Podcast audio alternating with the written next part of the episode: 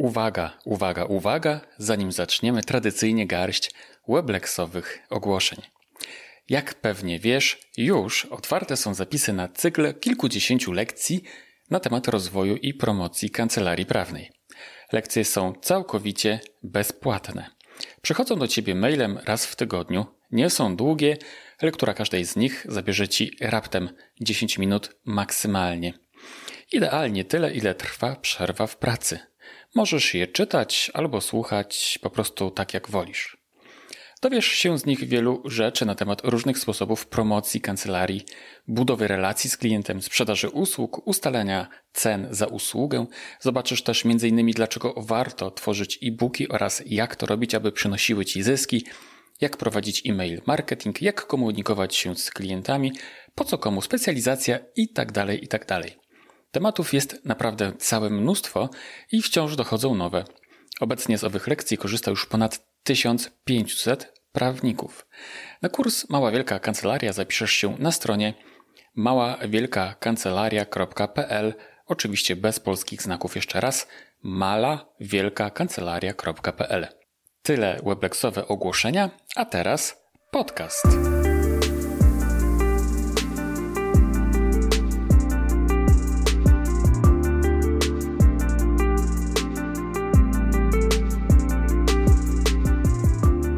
Jest 69. odcinek podcastu w drodze do kancelarii, w którym rozmawiam z doświadczonymi prawnikami, którzy niejedną wiosnę w todze mają już za sobą. Witam Cię serdecznie, mówi jak zawsze Rafał Chmielewski. Dziś pierwszy podcast, w którym występują trzy osoby. W sensie e, występuje prowadzący, czyli ja we własnej osobie, oraz dwóch gości, a dokładniej dwie gościnie pani mecenas Marta Tomkiewicz oraz pani mecenas Karolina Kuszlewicz, obie z tytułem zawodowym adwokata. Jaki to zbieg wydarzeń spowodował, że obie panie wzięły udział w rozmowie? Otóż pani Karolina i pani Marta założyły Szkołę Dobrego Prawa. Szkołę, w której uczą prawników tego, czego nie mieli oni okazji nauczyć się podczas studiów oraz w trakcie aplikacji. A czego dokładnie? No właśnie o tym jest nasza rozmowa, którą poświęciliśmy głównie właśnie szkole dobrego prawa. Ale czego jeszcze dowiesz się z naszej rozmowy? Obie adwokatki to osoby z wieloletnim doświadczeniem w prowadzeniu własnej praktyki prawniczej i to z sukcesami. Zatem nie mogło zabraknąć tematów typowych dla podcastów w drodze do kancelarii. Rozmawiamy więc o składnikach sukcesu kancelarii prawnej, o obsłudze klienta. Obie pani zdradzają, jaką mają radę dla początkujących kancelarii. Rozmawiamy o wartości specjalizacji prawniczej, o poleceniach i dlaczego są takie ważne i jak o nie dbać. No i oczywiście rozmawiamy też o wielu innych rzeczach, m.in. też o promocji kancelarii. Gorąco Cię zachęcam do posłuchania naszej rozmowy. Dodam wcześniej, jak zawsze, że podcast w drodze do kancelarii jest z dumą i z radością wspierany przez słoneczny Weblex Bookkeeping, oferujący najwygodniejszą księgowość prawniczą na świecie.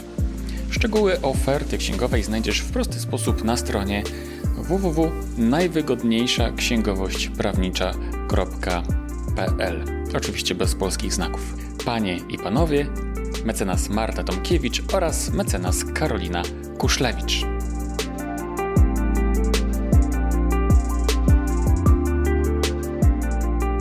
Kolejny odcinek podcastu w drodze do kancelarii jest poświęcony szkole dobrego prawa, której założycielkami są dwie adwokatki, pani mecenas Marta Tomkiewicz oraz pani mecenas Karolina Kuszlewicz. Witam was serdecznie. Cześć, dzień dobry. Cześć, dzień dobry. Szkoła dobrego prawa. Powiedzcie, co to jest? Ha, to jest taka przestrzeń, um, którą wymyśliłyśmy jako miejsce które ma wesprzeć prawników, ale nie tylko, i myślę, że gdzieś tam dalej powiemy, dlaczego dodajemy to nie tylko, mhm. w, w rozwoju. Tak bym, mhm. powie, tak bym zaczęła bardzo ogólnie. W mhm. rozwoju. A ja bym to pociągnęła, e, w, sięgając do genezy, przestrzeń, która też daje nam e, e, możliwość rozwoju takiego, którego nie mieliśmy, z którym nie mieliśmy do czynienia w takiej systemowej edukacji prawniczej. Mhm. Na studiach, na aplikacjach prawniczych, mhm. tak doszliśmy do takiego wniosku, że E, sprowadzani jesteśmy do, do takiej, wyłącznie do tej idei wiedzy, takiej, ale takiej wiedzy w tym sensie bardzo twardym, od A do Z, wykuwania przepisów, przyjmowania kolejnych e, jakichś kierunków orzeczniczych, interpretacji, podręczników. I że trochę w tym wszystkim brakuje miejsca na człowieka, a zawody prawnicze i w ogóle stosowanie prawa, jakbyśmy sobie tego nie jakby idealizowali i obiektywizowali, i ta, są ściśle związane w sensie takim, że mają być tak właśnie obiektywne i tak są ściśle związane z tym, że stoi za nimi człowiek. I chciałyśmy pomyśleć po prostu o tym, skoncentrować się um, zarówno na tej wiedzy, ale bardzo mocno w kontekście tego, kto tę wiedzę stosuje. I trochę stworzyć też taką przestrzeń zatroszczenia się o tych ludzi, którzy stosują prawo. Przestrzeń na to, żeby korzystać z takich swoich części, które dotyczą sfery emocjonalnej, czy wrażliwości, czy w relacji międzyludzkich, słuchania e, się między ludźmi, wpływania na siebie nawzajem, czegoś, o czym na moich studiach prawniczych nie było nic kompletnie. E, nie ćwiczyliśmy tego, co jest istotą tak naprawdę warsztatu prawniczego, e, tego, w jaki sposób się wysławiać, w jaki sposób modulować głos, jak możemy no. w ten sposób nawiązywać kontakt z drugim człowiekiem. Jak komunikować się z mediami, żeby było to mhm. efektywne i efektowne. no tak. Ja jeszcze dodam jedną rzecz. To, to jest też um, tak, takie nasze przekonanie, że prawnik, i myślę, że taki też jest stereotyp, to jest taki racjonalny, konkretny e, człowiek. E, to wynika też z ścieżki edukacyjnej. E, gdzieś obserwuję to, że jak się pojawia hasło emocje, emocje, to wszyscy myślą, nie, nie, emocje są super nieprofesjonalne. No, tak, tak. I one są nieprofesjonalne, jeżeli nie są kontrolowane, ale z całą pewnością zawody prawnicze są związane, pewnie tak jak szereg innych, ale na, ten jest nasz, więc no. o, nim się najbardziej zajmujemy, są związane z ogromnym poziomem stresu. Ten stres jest na, na bardzo wielu płaszczyznach. Możemy zrobić wszystko najlepiej, jak potrafimy, a i tak nie osiągamy celu. To jest frustrujące. W związku z czym niezadbany stres e, to jest coś bardzo niebezpiecznego e, dla nas. Gro naszego czasu, naszego życia spędzamy jednak zawodowo w pracy jako takiej. I um, nie wiem, czy będzie o tym przestrzeń, do, żebyśmy o tym powiedzieli, a to może ja już teraz e, zaawizuję ten, ten, problem. No. Wypalenie zawodowe mhm. jako takie, bo to jest jedno z takich szkoleń, które chyba było jako pierwsze. Tak, motywowało nas bardzo. Motywowało nas przy Szkole Dobrego Prawa. Wypalenie zawodowe bodajże od 2019 roku zostało przez WHO wpisane jako jednostka medyczna do ICD-10, do tej klasyfikacji. Od stycznia 2022 roku lekarze mogą wpisać wypalenie zawodowe jako jednostkę chorobową w zwolnieniach, w zaświadczeniach lekarskich. W związku z czym e, to pokazuje również skalę problemu. Według wszelkich statystyk jedna osoba na trzy cierpi na syndrom wypalenia zawodowego. A dla osób, które nie mają z tym do czynienia, wypalenie zawodowe ma takie same objawy jak depresja, tylko pochodzenie jest inne. To znaczy, jak się bada, jakie objawy ma e, syndrom wypalenia zawodowego, to okazuje się, że one są w zasadzie zbieżne z objawami osoby z depresją. Już dzisiaj dużo powszechniej mówi się o tym, że depresja jest poważnym problemem ludzkości. No o wypaleniu jeszcze tak się nie mówi, a niestety jest i jeżeli uświadomimy sobie to, że e, gdzieś ten zawód każdy z nas wykonuje około 40-50 lat, jak da radę, e, no to jest bardzo niebezpieczne, permanentna praca w stresie, takim niezaopiekowanym stresie. I to, co e, przyświecało idei Szkoły Dobrego Prawa, to właśnie znalezienie takiego miejsca, w którym prawnicy mogą pozyskać przydatne, konkretne narzędzia, którymi mogą po pierwsze, zdiagnozować u siebie ten stres, źródła tego stresu. To nie jest terapia, broń Boże, mhm. to nie jest spotkanie z psychologiem czy psychiatrą. To, jest, to są zajęcia z psycholog, która pokaz, po pierwsze na początku rozpoczyna od tego, że e, każdy może sobie indywidualnie zbadać poziom stresu, jakiemu jest poddawany na bieżąco w danym momencie, podzieli się tym wynikiem lub nie, e, a następnie jakby całe zajęcia są poświęcone temu, żeby zastanowić się, z czego to może wynikać, jak sobie z tym radzić, jak sobie takimi, mówiąc kolokwialnie, domowymi metodami e, po prostu wspomagać się, regenerować, właśnie po to, żeby nie nie ulec takiemu wypaleniu zawodowemu gdzieś tam w przyszłości. Jasne. W ogóle temat wypalenia zawodowego jest bardzo interesujący i był jednym z tematów tego podcastu w drodze do kancelarii. Powiem Wam szczerze, że do dziś jest to jeden z najpopularniejszych odcinków, tak? Co właśnie też Super, pokazuje, pokazuje. dokładnie, jakie jest, mówiąc w cudzysłowie, zapotrzebowanie na tego rodzaju wiedzę, tak? Że, mhm. że to jest realny problem a jednocześnie właśnie panuje ten stereotyp, że my mamy być tacy, akurat w stosunku do tych zawodów prawniczych, wydaje mi się, że jest ogromny ten stereotyp, że mamy być zaciśnięci w te garnitury i tacy niewzruszalni. My mamy być w ogóle niewzruszalni. Żeby być niewzruszalnym czy niewzruszalnym na sali sądowej, no najpierw trzeba po prostu jakby zadbać o gdzieś tam tę niewzruszalność w sobie, Oczywiście. a my cały czas jesteśmy bombardowani, cały czas jesteśmy jakby, no, nasza, nasza praca w dużej mierze polega na jednak walce.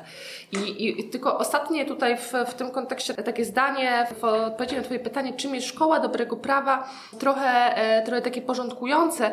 W niej znajdziemy, znajdziecie mm, trzy rodzaje warsztatów. To jakby wypłynęło to z tego zadbajmy o siebie, a potem zaczęłyśmy myśleć, co jeszcze byśmy chciały e, i skoncentrowałyśmy się na trzech rodzajach prac z ludźmi. Pierwsza, pierwszy rodzaj to e, wiedza, warsztaty z serii wiedza i tam, i tam znajdziecie takie warsztaty i szkolenia, które do, są stricte wiedzowe. Oczywiście praca jest warsztatowa w małej grupie i, i, i w, między ludźmi, ale dotyczą takich obszarów, które niespecjalnie są e, właśnie w tej edukacji systemowej brane pod uwagę. Na przykład jak prawna ochrona zwierząt, e, ale też jakby cały szereg, e, cały szereg innych kwestii. W drugi rodzaj to warsztaty z serii Sztuka Prawa. I tam mamy takie propozycje związane z dbaniem o i rozwijaniem tych narzędzi, które są istotą wykonywania zawodów prawniczych, jak choćby taka stara sztuka e, erystyki i retoryki. Wydaje nam się, że też jakby w jakiś sposób tak trochę zaczę, zaczę, zaczęliśmy ją traktować w tym szybkim świecie z buta, tak po niej przechodzić. Warto do niej wrócić, bo to może też sprawiać, że będziemy mieć przyjemność z wykonywania tego zawodu. I trzeci rodzaj to od ludzkiej strony, czyli taki właśnie ten, o którym Marta opowiadała, zajmijmy się też sobą jako ludźmi w tym wszystkim. Dobrze. Ja jeszcze dodam jedną rzecz. No, słucham. Szkoła no. Dobrego Prawa to ma być też, to jest też pokłosie naszych doświadczeń edukacyjnych tak. E, i tego, że obie dużo szkolimy i z e, różnego rodzaju badań europejskich wynika, że jak się prowadzi zajęcia w szkole, znaczy w formule wykładowej, to ludzka pamięć zapamiętuje około 5%. Mhm. Natomiast jak prowadzimy e, szkolenia w formule aktywnej, czyli każdy z uczestników aktywnie bierze udział w, w, w danym warsztacie czy szkoleniu, to ta, to postrzeganie, ta pamięć, jest, zwiększa się to, znaczy przyswajanie tej pamięci, ten odsetek procentowy zwiększa się do 50%. I dlatego bardzo nam zależało na to, że, na to, żeby wszyscy prowadzący w naszej szkole to były osoby, którym zależy na bardzo aktywnym prowadzeniu e, zajęć, aktywnej interakcji z uczestnikami, ale też osoby o określonych może rysie osobowości, tak byśmy to określiły, e, żeby to nie było tylko właśnie takie wykładowe, e, zamknięte w jakichś sztywnych ramach, e, tylko to są osoby, no, przynajmniej w naszej ocenie, dość charyzmatyczne, mhm. takie, które mm, nam sprawia przyjemność słuchanie mhm. tych osób i, i, i wierzymy, że może naszym uczestnikom również będzie. Dobra, a która z Was pierwsza podsunęła ten pomysł? Marta czy Karolina? Dwóch. To jest długa odpowiedź. No. To będzie długa odpowiedź. E, po, myślę, że możemy tak to powiedzieć uczciwie, że pomysł tak w, w bardzo formalnie, z pomysłem bardzo formalnie przyszła mi na zasadzie, słuchaj, w, dostałam takiego olśnienia, przyszła do mnie taka nazwa Szkoła Dobrego Prawa. I ja czuję, że to po prostu jest hit. Jest hit i to zbiera to, wokół czego kręcimy się od kilku lat i we każda i samodzielnie, bo ja wykładam na uczelni i, i Marta prowadzi od lat zajęcia i też prowadzimy absolutnie um, unikatowe zajęcia, które są hitem i wyjściem z, z wszelkich schematów e, na dawnym przystanku Woodstocka, dzisiaj w, na festiwalu Poland Rock w Kostrzynie nad Odrą e, i potrafimy na nie nawet zaprosić panią profesor Łętowską, e, w, w, w, więc to, to, jest, to pokazało też, że że, że te możliwości edukacyjne są dużo szersze właśnie niż w tym, tej schematycznej edukacji. I w, I w pewnym momencie w zasadzie nie wiem dlaczego, bo ja nie poszukiwałam za wszelką cenę e, w jakiegoś, jakiejś nowej, nowego obszaru działalności, ale wiedziałam, że chcę rozwijać tę działalność szkoleniową, która była taka wypunktowana, raczej taka epizodyczna. I przyszła ta szkoła dobrego prawa jako nazwa i jakby jeszcze za nią nic nie stało. Tylko czułam, że po prostu to jest dobre i trafione, że to jakby zbiera to, czym się zajmowałyśmy dotychczas w takich okazjonalnych projektach. I, no i spotkałyśmy się z Martą po prostu na, na dobrą kolację. Ja napisałyśmy sobie Szkoła Dobrego Prawa i zaczęłyśmy myśleć, co pod tym rozumiemy. No i okazało się, że jakby totalnie się w tym spotykamy. Więc formalnie z nazwą przyszłam ja, ale ona jakby zbiera w zasadzie, ona po prostu odpowiedziała na to, co już wcześniej robiłyśmy i zebrała to bardziej tak strukturalnie. No. A ja jeszcze, no. dodam, ja jeszcze dodam, że to jest niesamowite, jak czasami e, życiem jednak rządzą przypadki bo mm, ten przypadek może był taki długo wypracowywany, ale to jest, to jest tak, że my z Karoliną współpracujemy od 2015-16 roku. E, właśnie w takich nietypowych warunkach. Poland Rock, wcześniej Woodstock, Open Air Festival, właśnie takie jakieś projekty, gdzie prowadzimy wywiady z, ze starszyzną adwokatury e, i tych, tych projektów zrobiłyśmy już naprawdę bardzo dużo i zorientowałyśmy się, że bardzo dobrze nam się ze sobą pracuje. Mimo tego, że form, mamy dość różne typy osobowości, to ta współpraca dobrze się, e, dobrze się układa.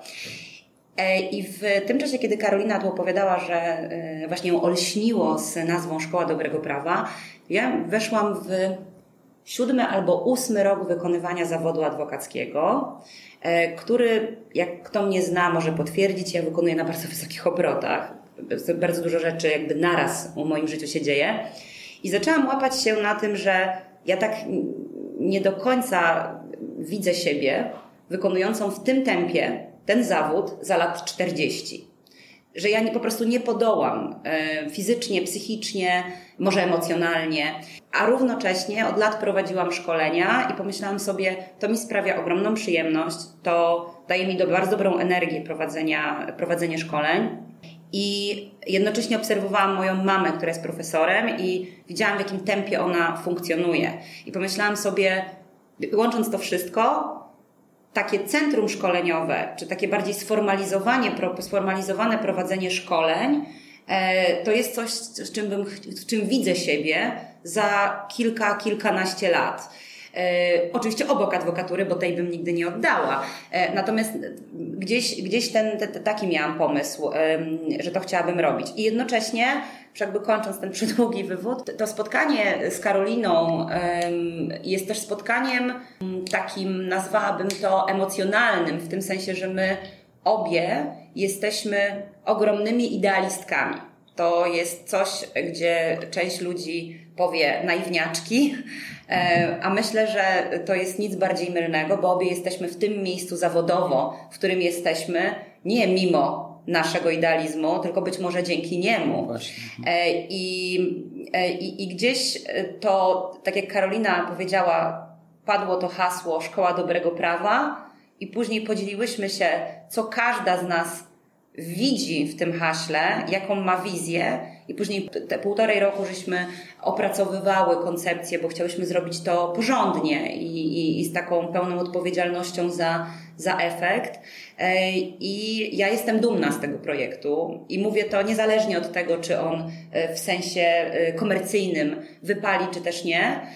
Uważam, że zresztą dostajemy nieprawdopodobnie pozytywny feedback od ludzi i to też pokazuje, że ten stereotyp prawników, tych takich konkretnych, racjonalnych, wyzutych z emocji, czy z wartości, nie daj Boże, nie jest prawdziwy. Bo mnóstwo naszych kolegów i koleżanek bardzo pozytywnie to ocenia i jakby chce brać też w tym udział, więc to, to pokazuje, że jest taka no jest taki, jest popyt na tego rodzaju, oczywiście używając nomenklatury biznesowej, jest popyt na tego rodzaju wartości po prostu. Nie obawiałyście się, że nie znajdziecie czasu na dodatkowe obowiązki? No to już było, to, to trochę była rzeczywiście taka decyzja, w jakim kierunku, w jakim kierunku chcemy iść, bo gdyby to miała być taka działalność w, trochę wpadkowa i, i, i na uboczu, to ja bym ze swojej strony też się raczej na nią nie zdecydowała, dlatego że no, podobnie jak Marta, zawodowo jestem bardzo pochłonięta i bardzo skoncentrowana. E, I to był taki moment, że byłam gotowa ze swojej strony w, właśnie złapać te rzeczy, które są takimi trochę satelitami naokoło tej głównej działalności adwokackiej, skonkretyzować się w jakąś większą obok, taką, która będzie ważną e, nie główną, ale jedną z głównych e, działalności i mocno na nią postawić, więc to oczywiście wymagało e, też bardzo takiego zdyscyplinowanego i racjonalnego pomyślenia, że nie mogę w tym czasie robić jakby wszystkiego naraz. I, e, i w międzyczasie przychodziły też inne projekty, w które mogłabym się zaangażować. Na pewno Marta też tak, e, też tak miałaś. I no i po prostu no, trzeba, trzeba było skoncentrować się na budowaniu szkoły dobrego prawa, co kiedy się robi w sytuacji półtorarocznej pracy nad e, jakąś ideą, ideą, której jeszcze nikomu się nie pokazuje, no jest też w jakiś sposób trudne, bo, bo to się robi tylko na razie za zamkniętymi drzwiami. E, ale ja to traktuję jako taką bardzo ważną e, inwestycję na przyszłość, też nie tylko w tym sensie właśnie biznesowym, tylko w takim e, robienia tego, w co wierzę i co, co jest ze mną zgodne Mm, bo mam poczucie, i to jest myślę, że nasze wspólne poczucie, że jakby siła stosowania prawa i wartość stosowania prawa i tego, żeby ono naprawdę przynajmniej aspirowało y, do tego, by wyznaczało to, co dobre i słuszne, tkwi po prostu w ludziach, którzy je stosują. Że, że bez jakby inwestowania w tych ludzi, to zrobimy taki mechanistyczny sposób właśnie taśmowy przy, przy tym tempie świata. I, I, ja dużo bardziej wierzę w to niż w, niż w prowadzenie stu spraw naraz z taką chroniczną walką. Poza tym to jest też tak, że my mamy jeszcze mnóstwo różnego rodzaju pomysłów na to, co chcemy zrobić. Oczywiście nie ujawniając ich wszystkich teraz, E, mogę tylko lekko chyba zaspoilerować, nie masz Pani nic przeciwko. Zależy, które hity. E, dokładnie. No ja nie, też nie mam nic przeciwko, Jakby mów. co to krzyż wytniemy. e, na przykład chcemy w przyszłości robić spotkania z ciekawymi ludźmi, tak? Czyli wybierać sobie osoby, które właśnie odpowiadają wartości, wartościami idei Szkoły Dobrego Prawa i zapraszać ludzi po prostu na tego rodzaju no, spotkania, tak? Gdzieś tam, więc to też jest dla nas przecież ogromna przyjemność i satysfakcja obcowania z ciekawymi ludźmi. E, to jest jedno, a ja jeszcze jedną rzecz tylko powiem, że to jest też bardzo ciekawe, bo ja od dziecka jestem osobą, która robi 30 rzeczy naraz. Tak było od początku, jak do Gawędy jeździłam, musiałam poradzić sobie tutaj Gawenda, tu szkoła, tutaj koncerty, występy. Gdzieś zawsze funkcjonowałam na takim poziomie bardzo szybkim i mama zawsze mówi, słuchaj, ty jakbyś była, miałabyś wolne, to byś sobie i tak znalazła coś, czym możesz się zająć. Więc e, odpowiadając na Twoje pytanie, e, jak sobie to dzielimy, na pewno selekcjonujemy też pewne, pewne nasze aktywności, ale to też jest odpowiedź na takim jesteśmy osobami, że my potrafimy robić kilka rzeczy naraz, wierzę w to, że jednak bez znacznej utraty jakości, że, że tak po prostu lubimy sobie układać to, to nasze życie. Kto Was próbował odwieść od pomysłu założenia szkoły? Nazwiska. No, no dobrze, ale... Nazwisk nie będą, bo nas pozwą. ale czy były takie osoby, które mówiły, dajcie sobie spokój dziewczyny, nie. co będziecie sobie zawracać głowę? Nie, nie było tak, żeby ktoś powiedział, nie, nie, nie, dlatego że e, oczywiście jakby na samym początku z pomysłem, z tym, że jakby robimy Szkołę Dobrego Prawa, to tym dzieliliśmy się, dzieliliśmy się tylko z najbliższym otoczeniem. A zatem to są osoby, które nas znają i te osoby bardzo podzielały to, że to jest świetny pomysł i że jakby fajnie, że my to robimy, że to się jakby im wpisywało. E, natomiast rzeczywiście jest jeden kolega imienia i nazwiska nie wymienię, bo, bo go bardzo lubimy, e, ale na początku jak usłyszał i poprosiłyśmy go o pierwszą ocenę strony internetowej, to kolega zadzwonił i mówił tak, dziewczyny, ale jak to? To wy będziecie szkolić z psychologii? Jak to jest możliwe? Ja mówię, słuchaj, no ty nie przeczytałeś dokładnie, ponieważ to nie my będziemy szkolić, tylko my będzie robić to doświadczona, przygotowana do tego, certyfikowana pani psycholog. E, więc to był taki moment, kiedy właśnie kolega najpierw, zanim posłuchał, co mam do powiedzenia, to bardzo tutaj podzielił się swoją oceną, że to nie to bez sensu, to w ogóle dziewczyna, to jest jakiś, jakiś nie, nie, nie, nie, musicie przemyśleć. E, więc to oczywiście anegdotyczne, ale, e, ale to tylko takie głosy słyszałyśmy, że to nie jest. Właśnie to jest ciekawe, że kiedy tylko poszło to w świat, to znaczy inaczej, na pewno są osoby, które uważają, że to jest y, bezsensowny pomysł, albo ze względu na pomysł, albo dlatego, że my go robimy, to dziećmi nie jesteśmy, na pewno są jacyś przeciwnicy. Natomiast i tak jesteśmy zaskoczone, że do tej pory ci przeciwnicy się jeszcze nie ujawnili. Właśnie. No, oby się nie ujawniali, bo gdyby się ujawnili, to by oznaczało, że to jest konkurencja, która zaczyna myśleć o tym, jak tu by was jakoś tam przyciąć, wyciąć, Ale właśnie wiesz, uziemić. Ciekawe, ciekawe jest to, co powiedziałeś, dlatego że e, oczywiście na rynku są mi- komercyjne centra szkoleniowe, tak? Czy jakieś takie inne podmioty, które oferują szkolenia. I też szkolenia Ale- prawnicze. I też szkolenia prawnicze. Ale naszym celem, i to podkreślałyśmy od samego początku, No, no. I ze względów na ideę tego, na tą ideę, ale też ze względu na e, to, że obie szkolimy w określonych podmiotach. Nasza eduka- to, co my oferujemy, to jest absolutnie pozasystemowa edukacja. To znaczy, u nas nie będzie szkoleń z prawa cywilnego. U nas nie będzie szkoleń z tego takiego y, normalnego nurtu edukacji prawniczej. E, Z bardzo wielu powodów e, po prostu tego nie chcemy. W związku z czym na przykład zarzut do nas, że my ym, gdzieś tam kopiujemy czyjeś rozwiązania, byłby o tyle nieuprawniony, że oczywiście są indywidualne szkolenia z e, regeneracji, są indywidualne szkolenia z retoryki, są ewentualne, e, indywidualne szkolenia z kontaktu z mediami. Oczywiście one są, ale u nas to ma być właśnie, my to traktujemy jako pewien rodzaj całości. Z tą ideą jest związana, te wartości wynikają z pewnej wspólnoty, którą chcemy stworzyć, którą ma być właśnie ten podmiot, jakim jest Szkoła Dobrego Prawa. Więc wydaje mi się, że jeżeli ktoś nas potraktuje jako konkurencję, to śmiem twierdzić, że chyba nie do końca przeczytał treść strony internetowej chociażby, bo bardzo jasno dajemy do zrozumienia, że Że jesteśmy bezkonkurencyjne. no może nie, ale że, No. że jakby za tym idzie trochę, troszkę coś innego niż takie normalne y, centrum szkoleniowe, gdzie właśnie byśmy się uczyli, czym jest subintabulat albo, nie wiem, dobrowolne poddanie się odpowiedzialności w, w prawie karnym. Albo To nie- nowelizacja KPC. Tak, albo nowelizacja KPC. To, to jakby nie jest, czy przygotowanie do, do apelacji, tak, jak się konstruuje zarzuty apelacyjne. To nie jest naszym, to, to nie jest naszym celem, co oczywiście jest super ciekawe i bardzo przydatne. Natomiast to miejsce jest zupełnie inne, więc wydaje mi się, że tutaj zarzut o konkurencję byłby trochę nietrafiony. Jasne.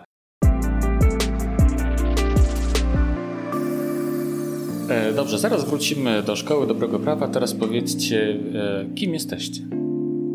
To Trochę to o pytanie sobie. To jest to, no właśnie, to jest to najtrudniejsze pytanie. Kim jesteś? No, kim jesteś i czym się zajmujesz? E, okej. Karolina, tak? Dobrze, Najpierw. tak, tak, ja wzięłam oddech. Ja jestem, no, oczywiście w pierwszej kolejności przedstawiam się jako adwokatka e, i od lat zajmuję się e, czymś, co formalnie nazywane jest prawna ochrona zwierząt. Ja o tym mówię prawa zwierząt bardzo świadomie, mimo że nasz system prawny no, nie uznaje podmiotowości, podmiotowości zwierząt prawnej, ale, no, ale moimi klientami pośrednio są właśnie zwierzęta i przyroda. Zaczęłam swoją praktykę zawodową na aplikacji u naszej wspólnej matronki, patronki, e, e, mecenas e, Katarzyny Gajowniczek-Proszyńskiej. Tam się zresztą, zresztą poznałyśmy. E, I to jest taka trochę może ciekawa ko- historia w kontekście też Szkoły Dobrego Prawa, ponieważ ja e, z taką moją konstrukcją, która była mocno właśnie ku idealizmowi, e, ku człowiekowi, ale też takiemu bardzo potrzebie w oddziaływania w praktyce na rzeczywistość, a nie tylko w abstrahowanych intelektualnych rozważań, e, takich ex katedra, które z góry.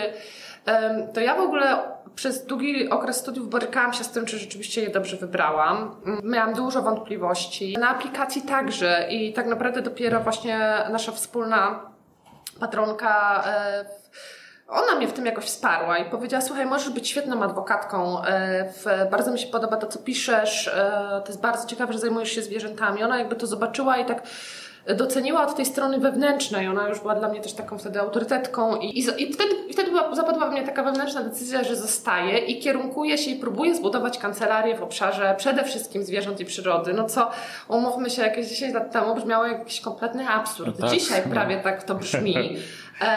I wydawało się to po prostu niemożliwe, więc na początku trochę poszłam z głównym nurtem i zaczęłam pracować w, w prawie gospodarczym, żeby po prostu zarabiać pieniądze. W, na aplikacji i krótko po aplikacji w, w, i obsługiwałam spółki Skarbu Państwa i napisałam nawet książkę Umowy Gospodarcze w przykładach i wzorach, która od 6 lat jest bestsellerem, ponieważ przygotowuję do zdania egzaminu adwokackiego. no i, i wtedy się tym zajmowałam. Ale jak potem zrobiło się takie okno możliwości, takie, no, tak, tak, takie pytanie, czy podejmę to ryzyko, to było w 2016 roku, E, w 2017 roku e, i, i zdecydowałam, że podejmę i spróbuję jednak zbudować tą własną kancelarię, własną, własną działalność adwokacką wyłącznie w tym trudnym obszarze. To się zbiegło z tym, że obie byłyśmy nominowane w rankingu Rising Stars Prawnicy Liderzy Jutra. Otrzymałam tam w zasadzie pierwsze miejsce. To było takim sygnałem i te zwierzęta jest, i zaczyna, e, jest jakaś sprawa karpi i jakiś wielki świat prawniczy to widzi. Zresztą to też nas łączyło, bo bo obie, obie byłyśmy wyróżnione w tym, e, w, te, w tym rankingu i to znowu te ścieżki się po prostu schodziły. Jeszcze wtedy nie wiedziałyśmy, że, że, że tak mocno. E, w, I to skłoniło mnie do tego, żeby, te, żeby pójść w tą stronę I, i od już kilku lat zajmuję się wyłącznie tymi sprawami, co trochę jest, w, należy patrzeć na to, w kate, oceniać to w kategorii cudu, tak, na, pod, pod względem właśnie biznesowym i komercyjnym, ale udało się to. I to też daje mi takie przekonanie, że absolutnie nie ma jednej ścieżki. I ten schemat, że, że, że, że na przykład trzeba wybierać tylko te ścieżki, które są dochodowe, które dadzą Ci na 100% bezpieczeństwo, e, wydaje mi się, że to jest idealistyczne, ale, ale też nie jest naiwne, bo dostałam naprawdę mocny łomot budując tą działalność i przez pierwsze dwa lata było mi bardzo ciężko zapłacić rachunki, ale wydaje mi się, że jak robisz coś naprawdę z przekonaniem i starasz się być w tym bardzo dobrą specjalistką czy specjalistą, to w którymś momencie to po prostu chwyta. I tam też spotkałam się z tą moją taką, zaczęłam rozwijać też tą działalność edukacyjną, bo zawsze mnie to właśnie ciągnęło, żeby nie było tak hierarchicznie, żeby było, żeby nie było jak z katedra, żeby było w pracy z ludźmi. Partnersko. Partnersko. Skończyłam szkołę trenerów w 2019 roku czy, czy 2020. Um, w, i, w, I w międzyczasie zaczęłam tę działalność e, taką e, oryginalnie edukacyjną z Martą na festiwalach muzycznych w Polsce, gdzie prowadzimy naprawdę typowo prawnicze zajęcia, warsztaty, wykłady, spotkania z ludźmi. Od strony, więc od strony, od strony prawne, prawniczej tak, tak, tak bym się e, opisała. Marta? E, też adwokatka.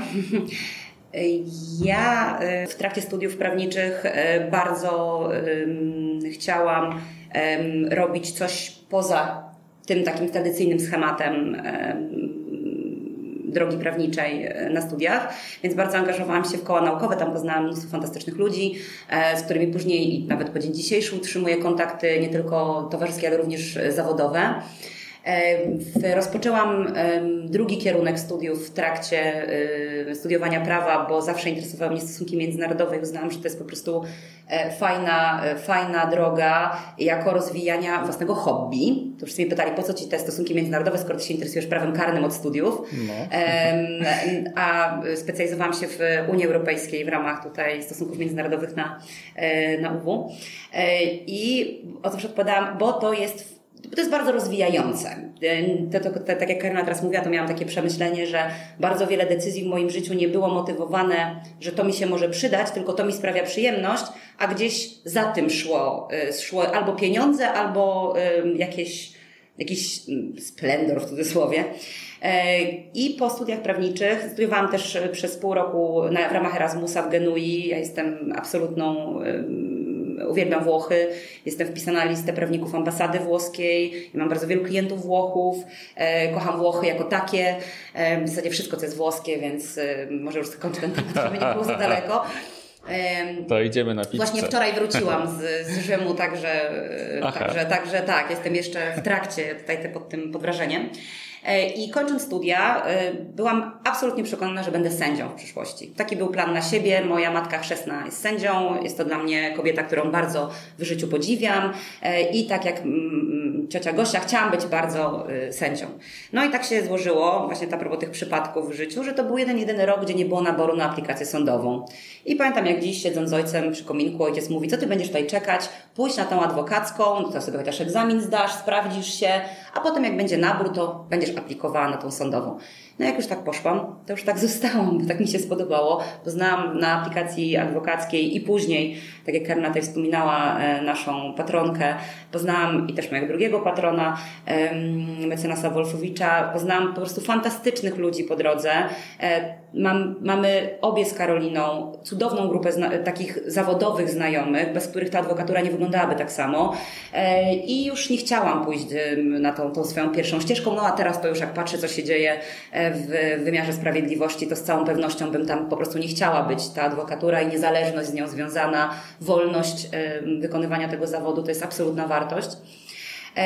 I mm, od początku swojej drogi zawodowej to było prawo karne. Kancelarię otworzyłam w zasadzie krótko po zakończeniu aplikacji. Jak wszyscy myślę na początku, człowiek się zastanawiał, czy będzie za co sfinansować e, swoją działalność. E, gdzieś tam mm, okazuje się, że to się udało i łączę swoje, swoją drogę zawodową e, karnisty z etyką. Jestem sędzią dyscyplinarną u nas w Izbie, ale też członkiem e, panelu pierwszego stopnia przy Polskiej Agencji Antydopingowej. To jest taki panel, e, gdzie oceniamy naruszenie przepisów antydopingowych, czyli decydujemy o tym, czy orzekać karę wykluczenia z zawodowego bądź tam amatorskiego sportu. Więc to jest takie połączenie również prawa karnego, prawa cywilnego i, i etyki jako takiej. E, tak jak Karolina wspomniała, gdzieś tam po drodze był ten Rising Star, wyróżnienie e, za. Pamiętam, że było prawnika, który zmienia świat, chyba jakoś Prawnicy, tak było. Liderzy. Aha, tak, tak, tak, że tak. jakieś takie za, za, za, za takie, taką, jak rozumiem, taką prawniczo-społecznikarskie zacięcie, w tym sensie, że dużo spraw prowadzę właśnie z takim rysem wartości, tak? czyli gdzieś tam osoby protestujące, gdzieś tam um, jakieś takie kwestie, które właśnie poruszają ciekawe zagadnienia filozoficzno-etyczne, może tak. I w 2020 e, roku e, zostałam, otrzymałam odznakę adwokatura zasłużonym. Jeśli chodzi o takie, no, to, to, to, to, było, to jest takie odznaczenie, które e, gdzieś po dzień dzisiejszy czuję e, ogromną wdzięczność, ale i bardzo dużą pokorę, e, bo jest taki ogromny kredyt zaufania i, i, i gdzieś tam, no, no jest to takie intimidated po, po angielsku można by to określić. A prywatnie mogę dodać tylko tyle i to jest też jakby ogromna część mojego życia, to jest sport. Zaczynało się od siatkówki halowej, przeszło się przez siatkówkę plażową, a na przestrzeni ostatnich czterech lat bardzo intensywnie gram w squasha. Nawet y, dwa lata temu byłam w pierwszej setce kobiet w Polsce, nie prawniczych, tylko po prostu kobiet. No, no. To tak się jakoś y, to ułożyło. Tak. Się śmiałam, że to był pandemiczny rok i, i właśnie w tym roku i, był, i było, był artykuł w Vogue i setka pierwszej, pierwszej setki, pierwszej setce kobiet. E, w związku z czym e, gdzieś tam e, ten sport stanowi ogromną część mojego życia i Polada też jest takim, czyli Polska Agencja Antydopingowa też jest takim zazębieniem. Oprócz tego prowadzę szkolenia, jestem opiekunem pierwszego roku aplika na aplikacji adwokackiej tutaj w Izbie Adwokackiej w Warszawie i prowadzę zajęcia w, na Uniwersytecie Leona Koźmińskiego i szkolenia z zakresu prawa karnego i procedury karnej u nas w Izbie. Także to chyba na tyle. I bardzo lubię, to jeszcze dodam, nie wiem, może ktoś, no. kto nas słucha z młodych prawników, chociaż dla nieprawników to też, jestem absolutną fanką seriali prawniczych. Ale nie seriali w rodzaju Suits, które są fantastyczne, bo są rozrywkowe jako takie, ale takich seriali z etycznym e, zacięciem. E, mogę szybciutko podać listę, to już Rafał zdecyduj, czy to jest... E, trzy. Trzy. Trzy.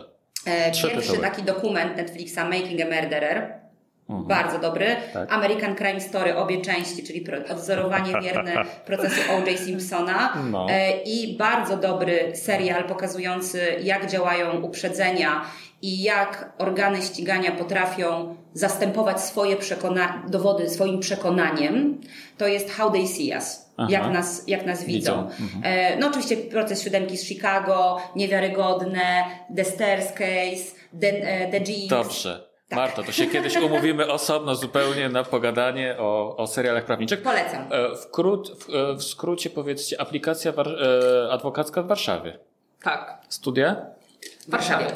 Gdzie? Ja na Łazarskim. Uniwersytet Warszawski. Kawa czy herbata? Kawa. Kawa. Dużo kawy. Kawa w dużej ilości. E, no dobra, czarna czy, czy, czy jakaś inna? Ja zdecydowanie czarna. Karolina Czarna. No, Do Marta? 12 cappuccino, po 12 americano z mlekiem. Dobrze. No, wspomnę tylko, że dzisiaj mamy 6 maja 2022 roku i przypomnę, że gościmy dziś w podcaście w drodze do kancelarii założycielki Szkoły Dobrego Prawa, mecenas Martę Tomkiewicz oraz mecenas Karolinę Kuszlewicz. I możemy iść dalej. Wróćmy do waszego projektu. Na stronie www szkoły napisałyście, cytuję, zgodnie z nazwą szkoły ważne jest dla nas dobro. No, co miałyście przez to na myśli? Dobro jako w, w, na pewno w co, w co najmniej dwóch aspektach, ale to jest w ogóle otw, e, otwarte, otwarte zdanie, które myślę, że będzie ewoluowało też w miarę tego, jak my będziemy się rozwijać w tej szkole. E, dobro e, zarówno pod względem tego solidności metod pracy i w ogóle solidności edukacji, um, takiej rzetelności, um, dokładności, ale nie takiej pruderyjnej, uporczywej dokładności, tylko takiej, która jest profesjonalna, jakaś wzmacniająca. E, w, w, dla mnie też to dobro to pewna, jest, jest związane z pewną z pewnym umiarem i też może jakąś powolnością w takim patrzeniu na to, co się robi, z dużą uważnością, o tak bym powiedziała, nie powolnością, tylko z dużą uważnością, żeby właśnie nie dać się, nie dać się e, tak tempu tego świata, które powoduje, że jakieś rzeczy po prostu nie zauważamy. E, w, w, więc to się przekłada na metody naszej pracy. W, w, w małych grupach, takich, w których każdy może się wypowiedzieć, gdzie jest czas na to, gdzie zakładamy, że ludzie przychodzą już z bardzo dużą ilością wiedzy, którą często trzeba tylko usystematyzować albo po prostu wyciągnąć z nich, podzielić się też tą wiedzą między sobą. A z drugiej strony dobro to oczywiście e, te wartości, które, wokół, wokół których e, uważamy, że mm, no, prawo powinno Prawo powinno po prostu służyć rozwiązywaniu konfliktów, jednak dawaniu poczuć, poczucia e, e, sprawiedliwości. Wiadomo, że ona nie będzie idealna, bo na sali wychodzi przegrany i wygrany, ale no jednak można powodować to, żeby ludzie bardziej rozumieli swoją sytuację. E, I też dbanie o samą siebie, samego siebie w tym wykonywaniu zawodów e, prawniczych.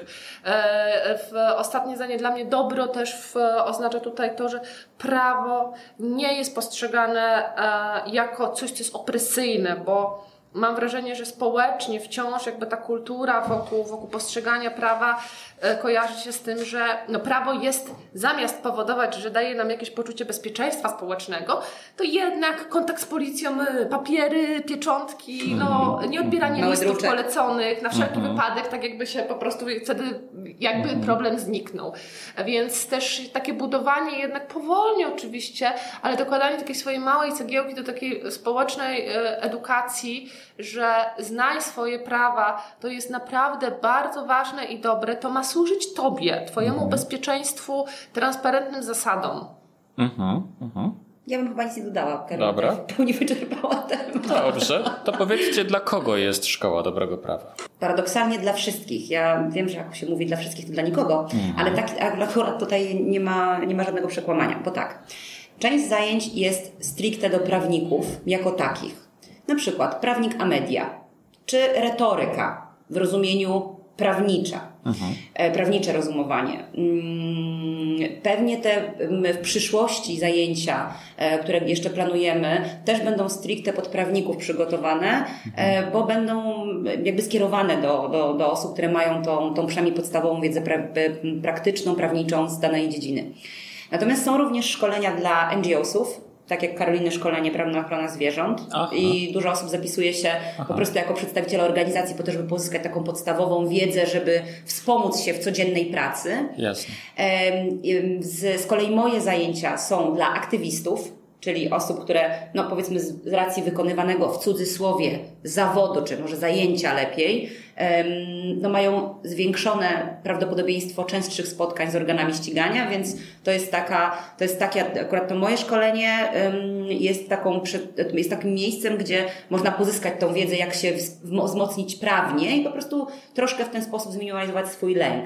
E, Ale też ostatnie zdanie, moje zajęcia są również dla osób, które nie są prawnikami, które nie są aktywistami, które nie są przedstawicielami organizacji pozarządowych, po prostu dla obywateli, bo mm, akurat w przypadku zajęć z e, kontaktu z organami ścigania, to ta wiedza, którą ja przedstawiam, jest takim mogłabym to określić takim, takim obywatelskim must know. Mhm. W dzisiejszych czasach szczególnie brak takiej podstawowej wiedzy na temat swoich praw i obowiązków w kontakcie z funkcjonariuszami policji, Strażą Graniczną, tak. z funkcjonariuszami służb tak. jest po prostu niebezpieczne. No. E, nie dlatego, że te służby robią coś, albo nie zawsze robią coś, czego, czego nie powinny, e, tylko dlatego, że to są sytuacje związane z bardzo wysokim napięciem z samego założenia i po prostu ta wiedza też powoduje spadek tego napięcia. Ja wiem, o co mogę pytać, wiem, od czego mi nie wolno, wiem, czego muszę się posłuchać, a czego nie, a czego nie muszę. Więc to jest taka wiedza, którą wydaje mi się, że każdy światły obywatel, który e, chce, chce określać się mianem um, osoby żyjącej w demokratycznym e, państwie i który mający taką podstawową e, wiedzę obywatelską, po prostu powinien to wiedzieć. Uh -huh, uh -huh. A jak, jak są prowadzone Wasze zajęcia? Czy macie jakąś siatkę taką, że mogę sobie na przykład zaplanować, że we wrześniu to będzie, będą zajęcia na przykład z praw zwierząt, czy z czegoś innego, tak? Czy nie? Czy po prostu jakoś inaczej to macie zorganizowane? E, wygląda to w taki sposób, że planujemy, e, planujemy warsztaty i szkolenia no, e, mniej więcej na, znaczy planujemy na, na długi okres, bo w tej, ale ogłaszamy je na, na miesiąc, dwa przed, przed konkretnymi zajęciami i na tą chwilę mamy, mamy, do, mamy do wyboru, mamy, mamy propozycję trzech udziałów w trzech szkoleniach i one za chwilę się rozszerzą między innymi o, myślę, znakomitą ofertę i tu możemy zdradzić nasz hit z Dorotą no. Właśnie z, e, z kontaktów z mediami e, dla prawników i prawniczek, mm, ale też, ale też za chwilę będziemy już e, przedstawiać ofertę na jesień tak żeby właśnie można było z jakimś większym wyprzedzeniem planować sobie. I to jest oczywiście równoleg- oferta równoległa dotycząca szkoleń z tych trzech obszarów, czyli wiedzy, sztuki prawa i od ludzkiej strony. Mhm, mhm. I ja jeszcze jedną rzecz tylko dodam, że rzeczywiście jest tak, że my te pierwsze pół roku zostawiłyśmy sobie na to, żeby zobaczyć, jak to wszystko funkcjonuje. Tak? To znaczy, już na przykład teraz wiemy, że musimy dawać troszkę większe wyprzedzenie, e, już na przykład wiemy, że y, musimy robić równolegle, z jednego tematu robić zajęcia i stacjonarne, i online, bo takie jest e, zapotrzebowanie, takie miałyśmy zapytania, więc ten czas na początku był czasem też dla nas, żeby zorientować się, jak to powinno Jasne. najlepiej, optymalnie funkcjonować. Mhm, mhm. I w jakiej formie prowadzone są zajęcia? E, te zajęcia stacjonarne, które my preferujemy, bo bardzo nam też zależy na tym, żeby pracować na żywo z ludźmi, e, prowadzone są w, prowadzone są w grupach takich 10-15 osób, zależy naprawdę na, na takich kameralnych grupach. E, trwają zwykle 8 godzin szkoleniowych e, i są bardzo mocno nastawione na taką część warsztatową, czyli e, teoria w takim podstawowym zakresie, która pozwala pracować i potem praktyczna wymiana doświadczeń. W ogóle praca na, praca na ćwiczeniach, na doświadczeniu, tak mhm. mocno, mocno trenersko, a nie wykładowo. Oczywiście w tej formule online to jest już trudniejsze, nie? Niemożliwe, no ale, ale, ale zabiera też ten komponent międzyludzki, ale bardzo nam zależy na tym, żeby, żeby to była żywa, aktywna praca. Jeżeli ktoś chce iść słuchać wykładu na 4 godziny, no to absolutnie nie do nas, ale jeżeli ktoś chce przyjść i ćwiczyć swoje umiejętności i po 8 godzinach mieć poczucie, że to e, może co trochę głupio byłoby przećwiczyć na sali i sprawdzić, czy to działa, tak, na sąd w kontakcie, nie wiem, właśnie w zakresie retoryki, emisji głosu, nie robić eksperymentów jakby w, w tym świecie takim na, e, e, na bieżąco, tylko w bezpiecznych warunkach i ma tą odwagę, żeby sobie poćwiczyć przy innych, no to, to, no to, to, to, to będzie zadowolony. Uh-huh, uh-huh. Wydajecie jakieś certyfikaty absolwentom? Tak, tak, tak. tak Uczestnikom? Tak, jesteśmy, dzisiaj będziemy robić wysyłkę już po pierwszych szkoleniach, no. E, także tak, takie, takie ukończenie szkolenia jest potwierdzane certyfikatem wystawionym przez Szkołę Dobrego Prawa. Okej, okay, szkoła ma siedzibę w Warszawie, a jeżeli ja jestem na przykład, nie wiem, no, no, jestem też z Warszawy, tak, ale gdybym był na przykład, nie wiem, z Księżyca, tak, to jest szansa, żebym wziął jeżeli, też udział. Jeżeli na Księżycu byłby internet, to na pewno opcja online wchodziłaby w grę.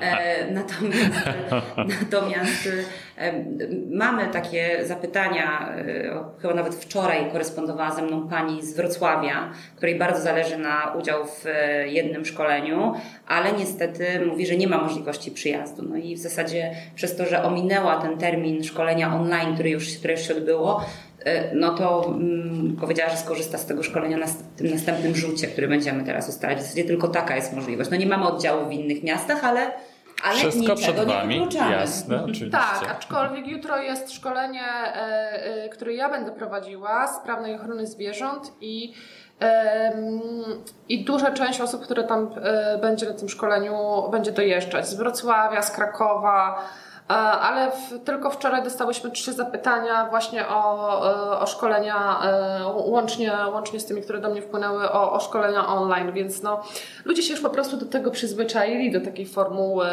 że możemy spotkać się zdalnie. I ona jest wygodna i ona też daje wielkie możliwości dotarcia do tych osób, które z różnych przyczyn życiowych nie mogą ruszyć się ze swojego miejsca, ale też bardzo, bardzo Was chcemy zachęcić do osobistego udziału w e, szkoleniach. To jest też element tego dobrego, jakościowego opracowania. I dlatego też e, wracając na chwilę do tego, że ten czas początkowy od rozpoczęcia działalności Szkoły Dobrego Prawa służy nam też na wyciąganie wniosków, to rzeczywiście jeden wniosek, który wyciągnęłyśmy jest taki, że mamy, powinniśmy robić dwa szkolenia stacjonarne, czyli jakby w tym jednym, powiedzmy trzymiesięcznym rzucie z danego zagadnienia dwa szkolenia stacjonarne, jedno w środku tygodnia, drugie w weekend, i niezależnie od tego jeszcze online, dlatego Aha. że rzeczywiście mhm. E, w osoby, tak jak tutaj jutro e, dziewczyny też chyba z Katowic dojeżdżają, no to dla nich, e, dla nich dojazd z Katowic w weekend, skoro pracują w ciągu tygodnia jest gdzieś tam wygodny, więc mhm.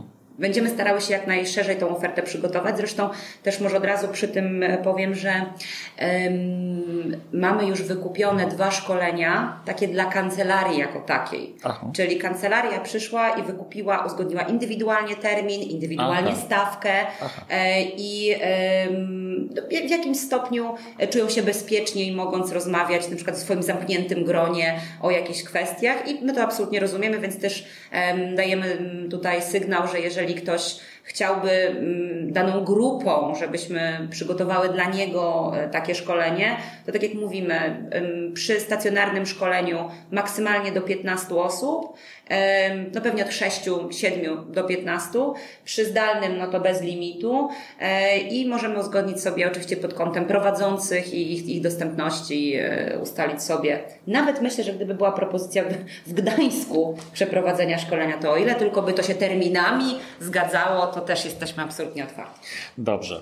Wyobraźmy sobie teraz Szkołę Dobrego Prawa za lat 20. No i powiedzcie, jak ona wygląda. Hmm.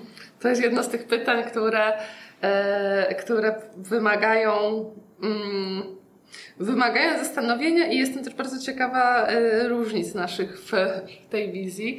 E, ja sobie wyobrażam, ja sobie w ogóle wyobrażam ją w taki sposób, że to jest taka hogwartowa szkoła, piękna. Mamy swój budynek, grube mury i pnący się, pnące się winorośla na niej. I rzeczywiście w, łączymy, tam, łączymy tam taką starodawną sztukę z, z nowoczesnością.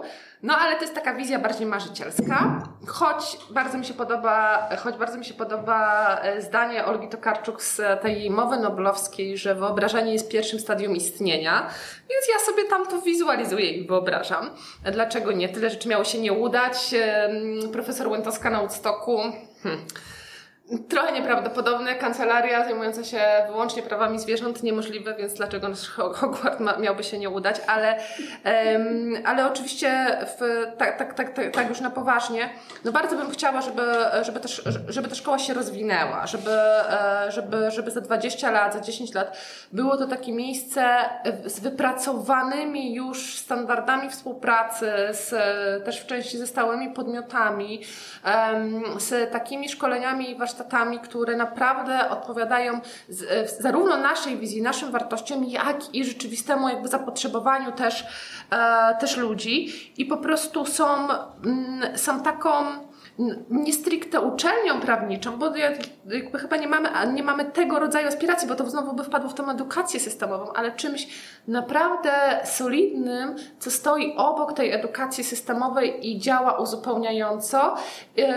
I ludzie wiedzą, że mogą tam przyjść i dostaną e, naprawdę e, dawkę i solidnej wiedzy, i takiej dobrej przestrzeni do, e, do współpracy, i to już I to już w jakiś sposób się zazębia w takim sensie, że e, te szkolenia są powtarzalne, ludzie się przyzwyczajają trochę do tego, że one są, że można po nie sięgnąć. Teraz startujemy z czymś, co jest, tak jak pytałeś o tą konkurencję i Marta odpowiadała, z czymś, co moim zdaniem w ogóle jest w naszych środowiskach prawniczych w ogóle nową, nowym pomysłem, więc my dopiero sprawdzamy, czy na ile ludzie będą tego chcieli, potrzebowali. Ten feedback jest bardzo dobry, ale czas to zweryfikuje, więc mam nadzieję, że za 20 lat to po prostu będzie taka fajna, profesjonalna alternatywa dla edukacji systemowej. No, wiesz co, tak sobie wyobraziłem sytuację, kiedy taki, wiesz, student czy aplikant e, kończy tok edukacji i myśli sobie, kurczę, nie nauczyłem się na przykład e, czegoś tam, tak, jakiegoś ludzkiego podejścia, a mi myśli sobie, mm, w sumie to nic, pójdę do szkoły dobrego prawa, tam mnie nauczą. Tak właśnie bym chciała. I 8 godzin i już. No Marta, a ty? E, ja na pewno nie podzielam tego Hogwartu, bo mi się bardzo się skończyłoby lataniem na miotle, ale e, nie, no. niewątpliwie podpisuję się pod tym, co powiedziała Karolina, czyli bardzo bym chciała i życzyłabym nam tego, żeby rzeczywiście za 20 lat była to taka przestrzeń, która jest marką, to znaczy ludzie utożsamiają to z określonymi wartościami, jakością, żeby to też było miejsce, które skupia ciekawe osobowości, jeżeli chodzi o e, czy w cudzysłowie absolwentów, czy prowadzących. Nasz pomysł jest taki, żeby też współpracować z tymi ludźmi, których, e, którzy jakby wpisują się tym swoją działalnością, swoją postawą w, w ideę szkoły, więc chciałabym, żeby to rzeczywiście było takie skupienie być może wokół tej szkoły, tych, tych osób. I życzyłabym e, sobie e, tego, żeby nadal był popyt na tego rodzaju szkolenia, bo nie bardzo bym nie chciała, żeby nasz zawód poszedł w kierunku stricte biznesu, mhm. tylko biznesu, bo oczywiście nie oszukujmy się, my musimy być też przedsiębiorcami mhm. i to bez dwóch zdań. Także Każdy z nas Także, także w szkole. E, każdy z nas po prostu ma rodziny do utrzymania, siebie do utrzymania i, i jakby traktowanie tego zawodu wyłącznie jako misję, no zupełnie jest, mija się z, z, z jakąś logiką. E, więc nie oszukujmy się, tak, to jest znaczna część adwokatura to również jest po prostu zawód, który wykonujemy, ale bardzo bym nie życzyła adwokaturze tego, żebyśmy poszli tylko w stronę bycia przedsiębiorcami, z niczym więcej, z żadnymi wartościami nie stojącymi za tym, bo y, po prostu będziemy przedsiębiorcami, który, którzy po prostu stosują prawo. Koniec. Mhm. I to. Maszynami bardziej tak. niż ludźmi. Znaczy, będziemy urzędnikami tak o, naprawdę, no, no. którzy mają fantastyczny tytuł o nazwie adwokat, tylko tak, za tym tak. zupełnie nic nie idzie. I y, dlatego też nawiązując jakby troszkę do wpisania się w nurt adwokatury, która jest no, dla nas nieprawdopodobnie istotną częścią jest naszego życia, bardzo bym życzyła sobie, żeby po prostu zawsze był popyt na nasze szkolenia, bo to by oznaczało, że e, gdzieś znaczy, bo potwierdzałoby, że może ludzie nie traktują tylko tak tego, że dbają też o mhm. siebie i gdzieś tam pilnują tych Mhm. I jeszcze ja sobie myślę, że e, życzyłabym nam tego i, i taką też mam nadzieję, że za ileś lat e, rozwiniemy także współpracę z tymi miejscami, które oferują edukację systemową, bo my nie musimy stać na zasadzie porównania opozycji, tylko możemy dziś funkcjonować na zasadzie współpracy i trochę uzupełniania na przykład tego, co proponują uczelnia, a co w wielu obszarach po prostu może być im ciężko, ciężko zorganizować. E, I, i taką, też, taką też mam nadzieję, że, że w pewnych obszarach po prostu będziemy łączyli siły. Mm -hmm.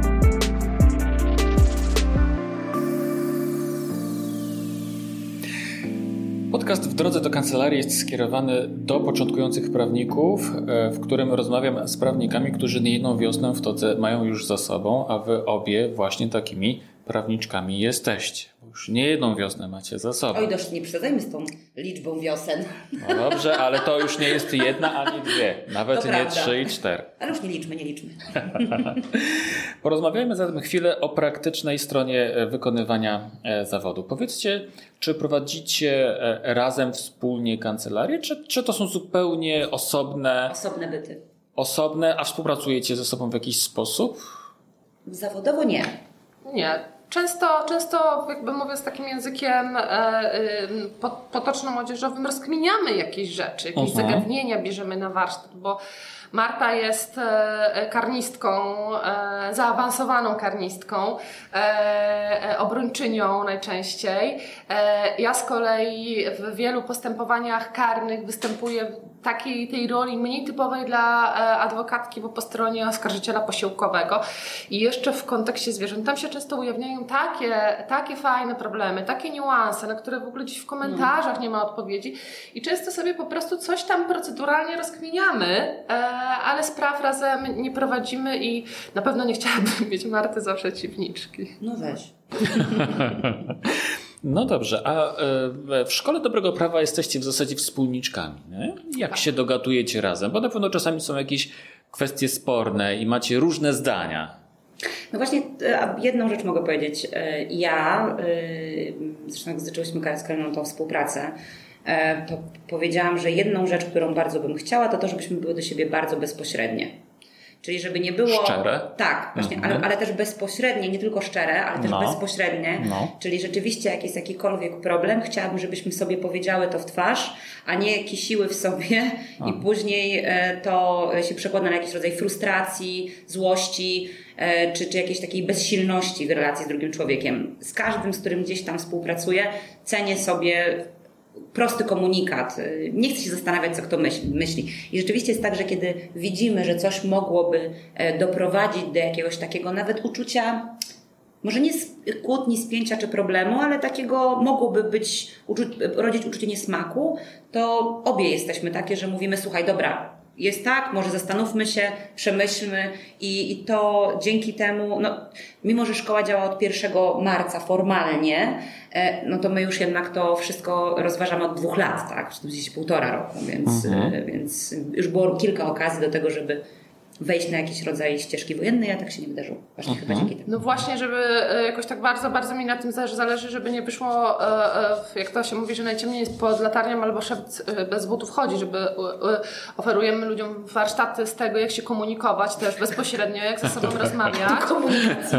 E, I, i, I znowu, no, znowu powiem o tym szybkim świecie, ale właśnie umniejszanie tej, tej sferze jakiejś tam emocjonalności i tego, że każdy ma jakieś przeżycia, wyobrażenia i interpretacje, sprowadzanie jej do takiego machnięcia ręką, potem moim zdaniem powoduje właśnie sytuacje konfliktowe i e, chyba obie po prostu przeszłyśmy już taki etap w swoim życiu, że, że wiemy, że to trzeba załatwiać na bieżąco, ale też ja wchodziłam w tą tworzenie tej szkoły, ponieważ w moim przypadku ja jestem ultra indywidualistką. Taką naprawdę. Mm, I wyobrażenie, że ja mam z kimś tak po partnersku w, w, w spółce przez długie lata, zresztą też się mówi w naszych zawodach często, że te spółki są jednak bardzo jakby takie niebezpieczne i, i ja przez długi czas w ogóle Ka- każdy solista. Najmniej, tak, każdy solista. Ten zawód jest taki też bardzo niezależny, że w ogóle nie miałam najmniejszej ani gotowości, ani woli.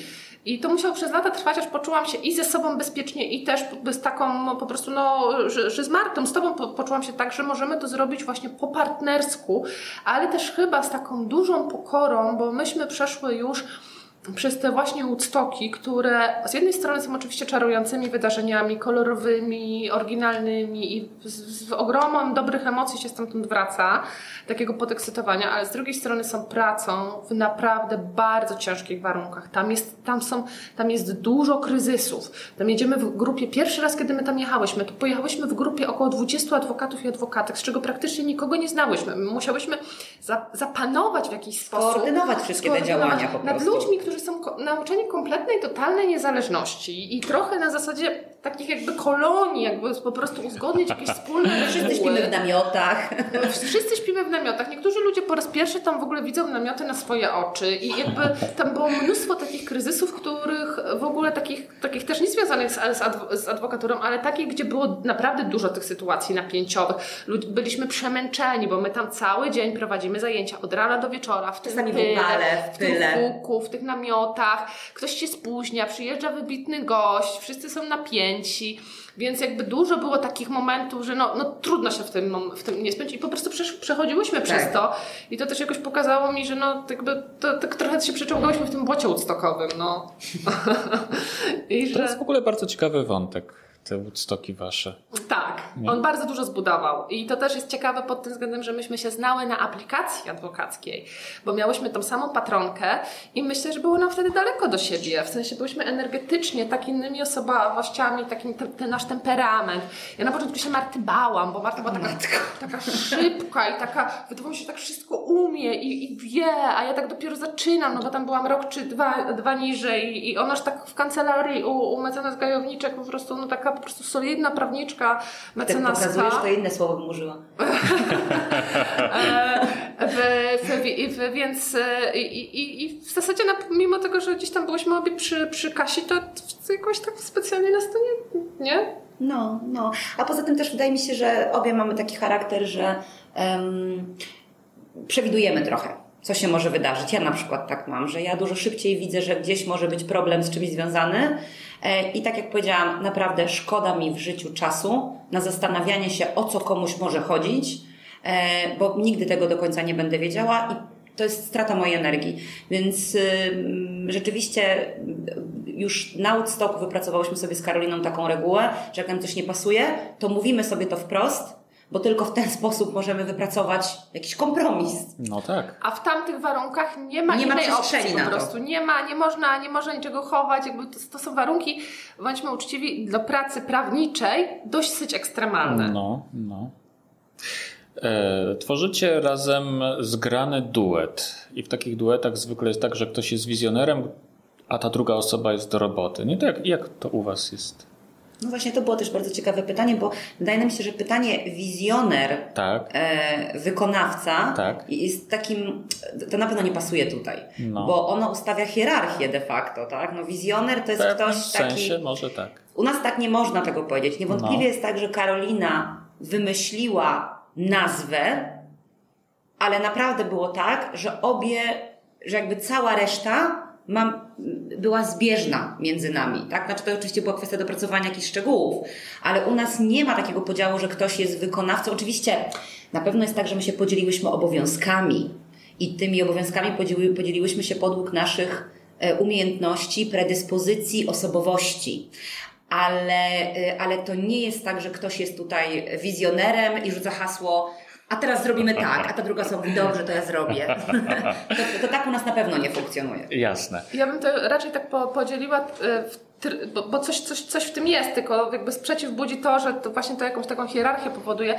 Ja bym to raczej może nazwała taki, o takim, powiedziałabym, takim komponencie yy, z, z, twórczym i sprawczym. O, no. Yy, I obie mamy jeden i drugi, yy, ale rzeczywiście jest trochę tak, że ja mam taką skłonność do pomarzenia sobie i wyobrażenia tej szkoły obrośniętej tym, tym, tym bluszczem. bluszczem tak. I w tym dużo siedzi, bo w tym siedzi jakaś myśl, jakby, jakby można coś więcej. E, Marta, ty też tak masz, tylko jakby w, i, my się tym wymieniamy, ale z drugiej strony jakby jest też jeszcze to sprawstwo, ten komponent sprawczy, właśnie nie wykonawczy, sprawczy. I raczej to jest taki komponent, który, e, który no ja, prze, ja przede wszystkim w tobie jakby go widzę i obie znowu jesteśmy sprawcze, tak, bo obie jedziemy na ten Woodstock i to wszystko robimy, obie prowadzimy kancelarię, obie prowadzimy sprawy, ale taką naturalną predyspozycję, e, no ja muszę się namyślić, długo pomyśleć, a Marta mówi, że właśnie wykonała już te trzy telefony i mam jakby, i, i jakby nadaje, szybciej potrafisz moim zdaniem nadawać życie myślą. ja jestem w tym powolniejsza po prostu. Z kolei u nas jest taki podział, że y, Karolina zajmuje się tą stroną y, marketingową, tak byśmy to, w sensie social media obsługuje. Ja, jak mam napisać post na fejsie, to siedzę i myślę sobie, nie no, to chyba jest źle, nie no, nie, do kogo ja to piszę. A Karolina Szast Pras napisała tekst, już mamy, więc to miałam na myśli mówiąc, że podług swoich predyspozycji i umiejętności. No a rzeczywiście ja mam taki dość dobrze nawiązuję kontakty z ludźmi, więc tak przy takim organizowaniu wszystkiego e, to się przydaje. Doskonale się uzupełniacie. A powiedzcie mi, mm, bo wiem, że e, ty Karolino specjalizujesz się w zwierzętach, w obronie, ochronie, w obronie ich praw. E, a ty Marto? Karne.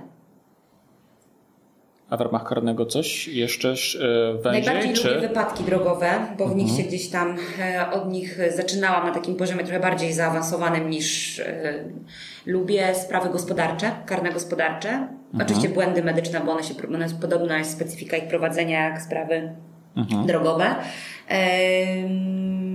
No więc to, myślę, że miała tak ograniczyć to, mhm. to te, te white collar mhm. crimes i, i właśnie drogowe medyczne. Mhm. A w jaki sposób promujecie swoje usługi? Ja pamiętam, miałam takiego klienta, pana prezesa, który się śmiał ze mnie, że ja strony internetowej nie miałam przez 8 lat, bo po prostu nie potrzebowałam strony internetowej.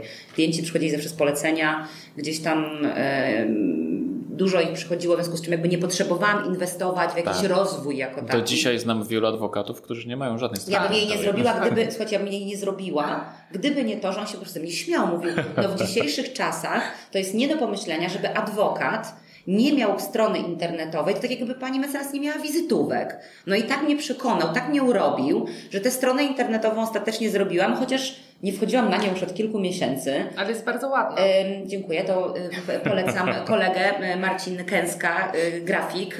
jeżeli ktoś będzie potrzebował, to chętnie dam namiary, bo chłopak robi cuda.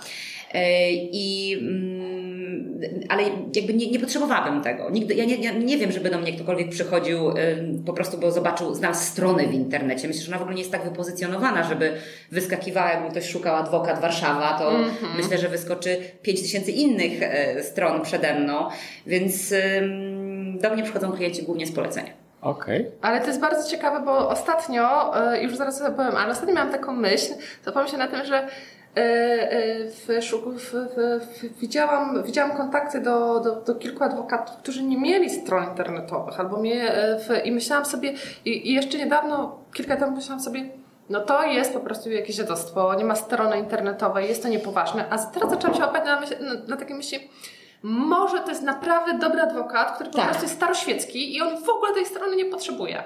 Ale nawet nie staroświecki, po prostu jej nie potrzebuje. Nie potrzebuje, tak. Bo ma tylu klientów, że no, no, po, co, po co zwiększać coś, co jest dobre?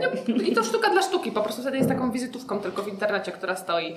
Ja mam z kolei inną historię, bo no, ponieważ ja w, poszłam w taki, postanowiłam zbudować coś, co nie ma prawa jakby trochę w, logicznie w tej brutalnej rzeczywistości racji bytu to zbudowałam sobie bardzo jasny plan i niedawno e, moja przyjaciółka e, i dziennikarka e, Ewa Podolska zwróciła mi uwagę, mówi Karina, ty zrealizowałaś ten swój plan po prostu. Powiedziałaś mi go, powiedziałaś tam w 2016 roku i ty po prostu to zrobiłaś. I moim planem było to, że no, prowadziłam od zawsze, od kiedy tylko miałam uprawnienia procesowe te sprawy zwierząt, no ale w międzyczasie robiłam też tą jakby te, te, te, te typowo takie gospodarcze rzeczy, które przynosiły pieniądze.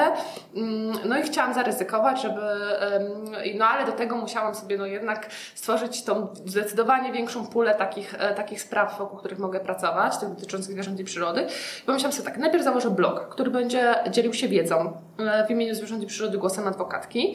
No do tego bloga e, prowadziłam mniej więcej przez, przez rok, potem potem już przejdę na taką specjalizację jakby w 80%, potem w 100%, jak mi się uda.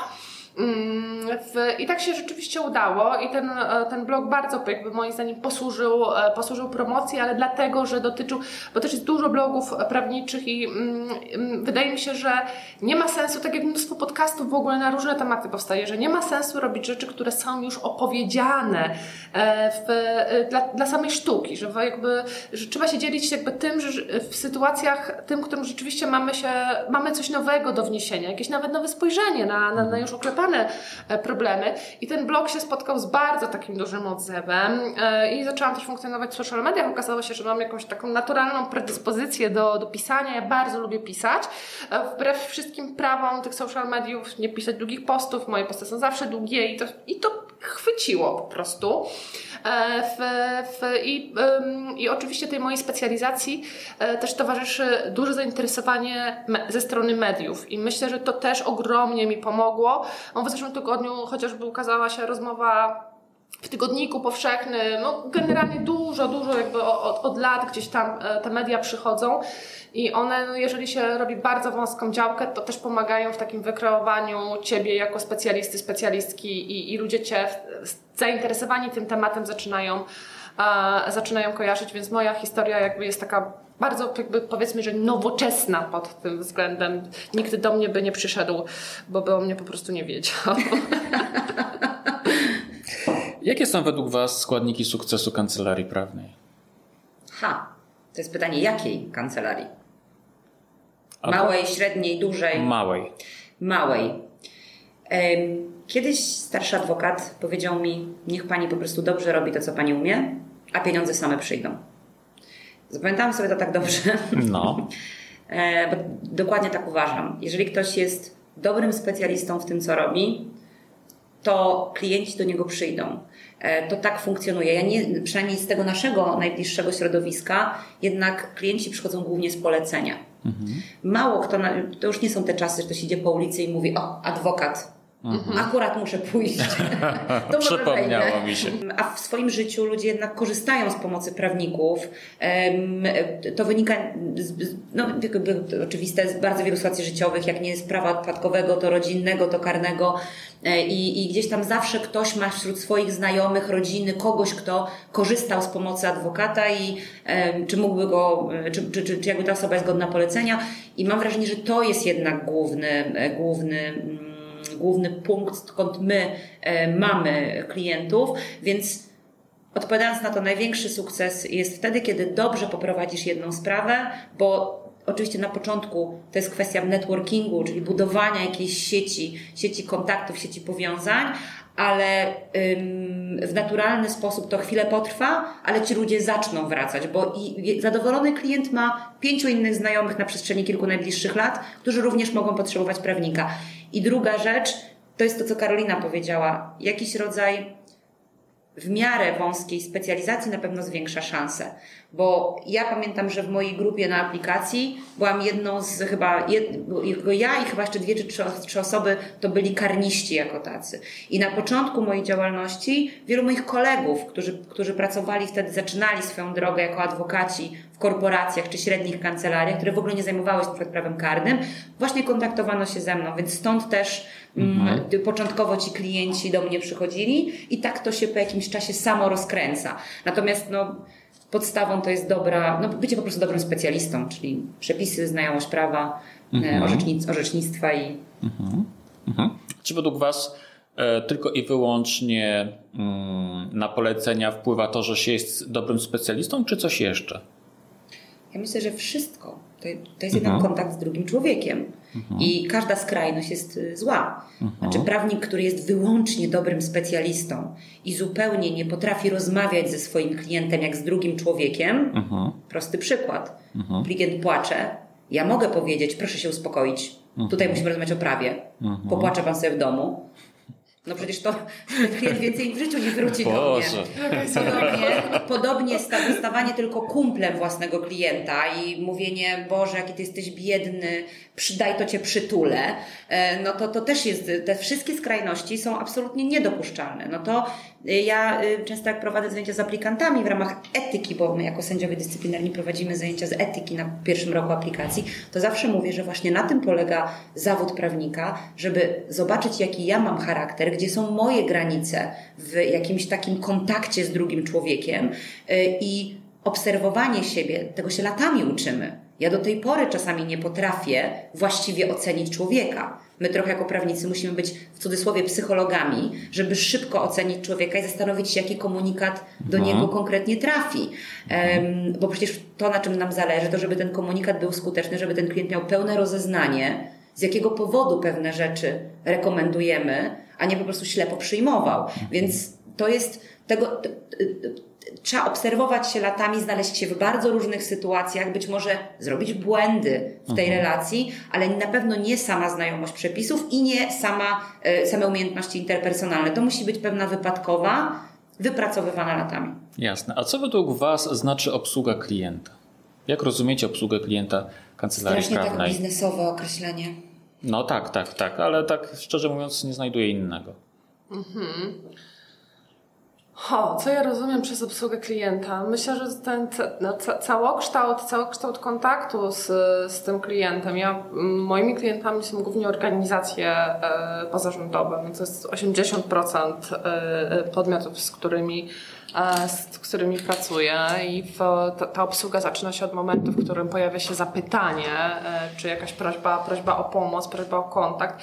I w to jest, z mojego punktu widzenia, to jest taki moment, w którym bardzo też trzeba transparentnie ustalić granice i wyjaśnić zasady współpracy. To jest taki moment, w którym trzeba powiedzieć, ja współpracuję tak, porad prawnych udzielam, nie wiem, na takich warunkach, czy w takich dniach i takich godzinach, żeby też nie robić... Nie zajmuję się wszystkimi Dokładnie, dokładnie. Nie robić też e, takich pustych mhm. przebiegów, nie prowadzić jakichś rozmów dla sztuki, które do niczego nie prowadzą.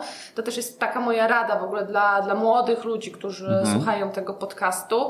Nie przegadywać. Jeżeli ktoś do Was przychodzi, żeby przegadywać, to myślę, że jest duże prawdopodobieństwo, że u Was po prostu specjalnie nie zostanie. Usta jeżeli ustalicie transparentne warunki na początku i ta osoba będzie chciała współpracować, to warto po prostu ta współpraca jest konstruktywna. Więc od takiego pierwszego momentu, od pierwszego maila, od pierwszego telefonu, ale z sprowadzeniem go do konkretnego spotkania. Nie toczenia jakiejś rozmowy na telefon długiej.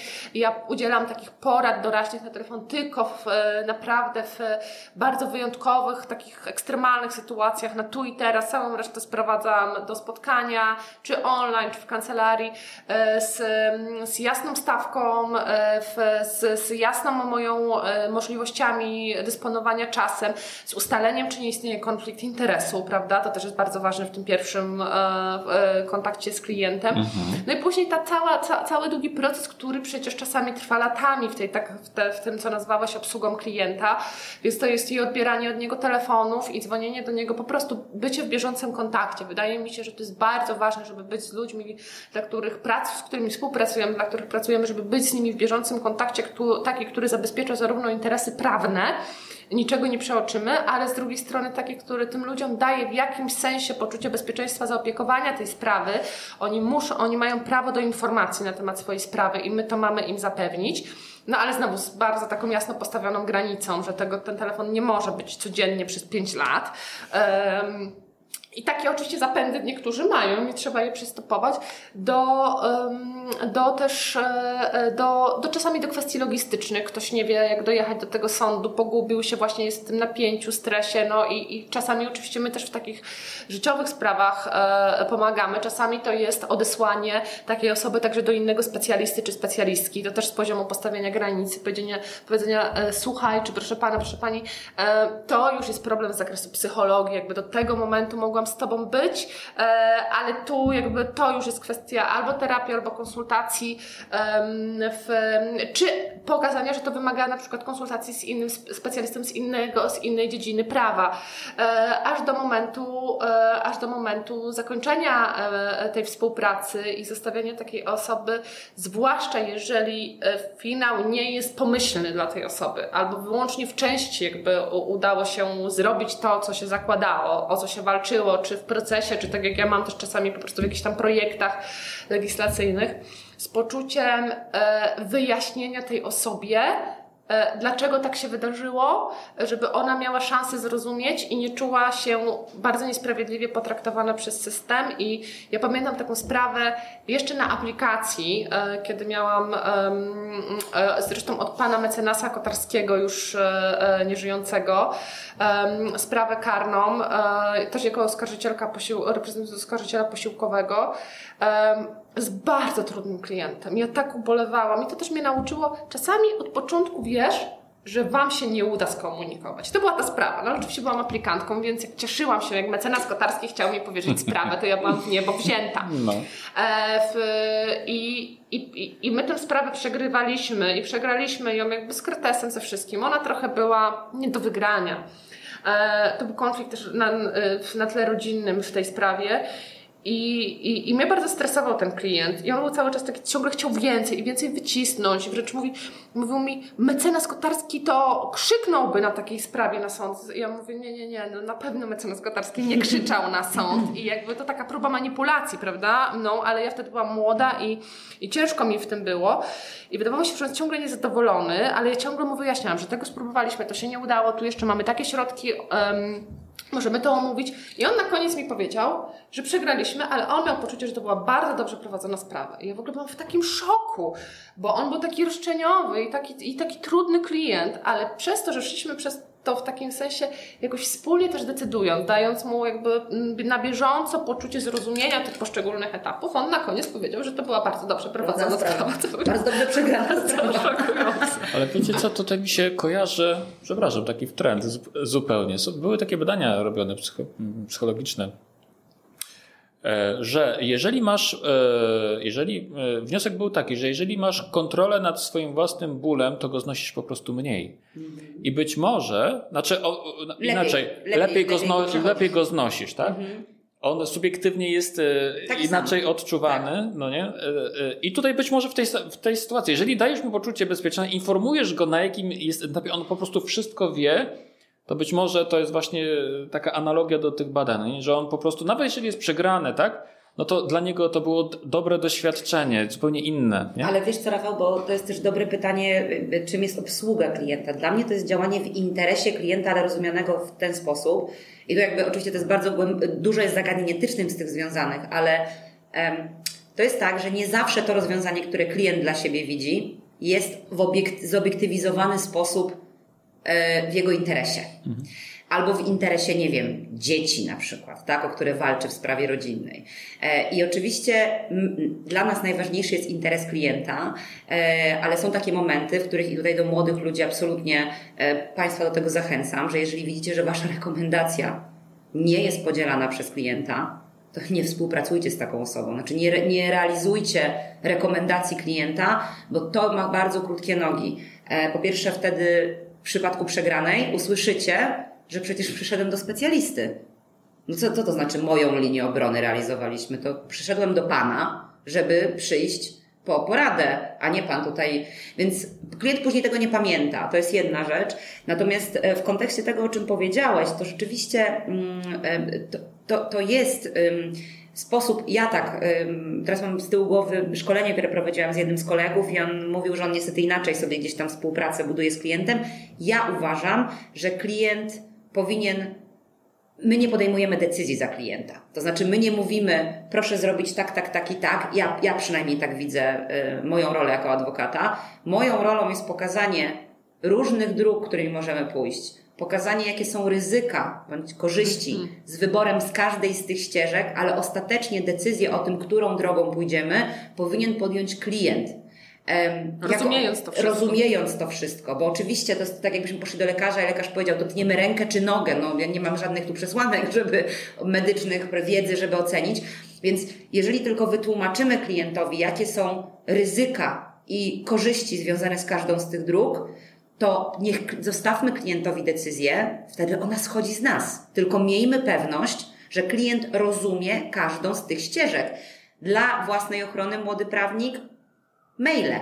Piszcie maile. Później nie ma wątpliwości, że wszystkie drogi zostały klientowi w precyzyjny sposób wytłumaczone, wyłożone, ale decyzję podjął klient sam, bo to i jego życie, i jego skutki później. No co to jest za sytuacja, w której um, ja osobiście naprawdę nie chciałabym być w sytuacji, w której ja podejmuję decyzję za klienta, bo później skutki wyboru konkretnej drogi obciążałyby również mnie. I um, ja tak sobie buduję relacje z klientami. Oczywiście to wymaga czasami więcej czasu, bo nie każdy rozumie, nie, nieprawnik albo mało nieprawników rozumie ten meandry naszego, szczególnie współczesnego prawa, tak rozbudowanego, tak skomplikowanego. Oczywiście. No ale to jest też element pracy z ludźmi, że musimy wyrobić sobie ten rodzaj umiejętności wytłumaczenia temu klientowi, bo chyba naj, oczywiście niektórzy nasi koledzy adwokaci pracują z klientami tak, że tylko oni wiedzą, dlaczego określone kroki są podejmowane. I to jest wszystko fajnie, jak się ta sprawa y, zakończy dobrze dla klienta, ale jak zakończy się źle, to zaczyna się okres rozliczeń. I wtedy pierwszy zarzut, który pada, ja nie wiedziałem, dlaczego tak zrobiliśmy. To pan podjął, czy pani podjęła tą decyzję. Ja tej decyzji nie podjąłem. Przyszedłem do pana, pani, żeby podjąć najlepszą decyzję. No widać, była zła.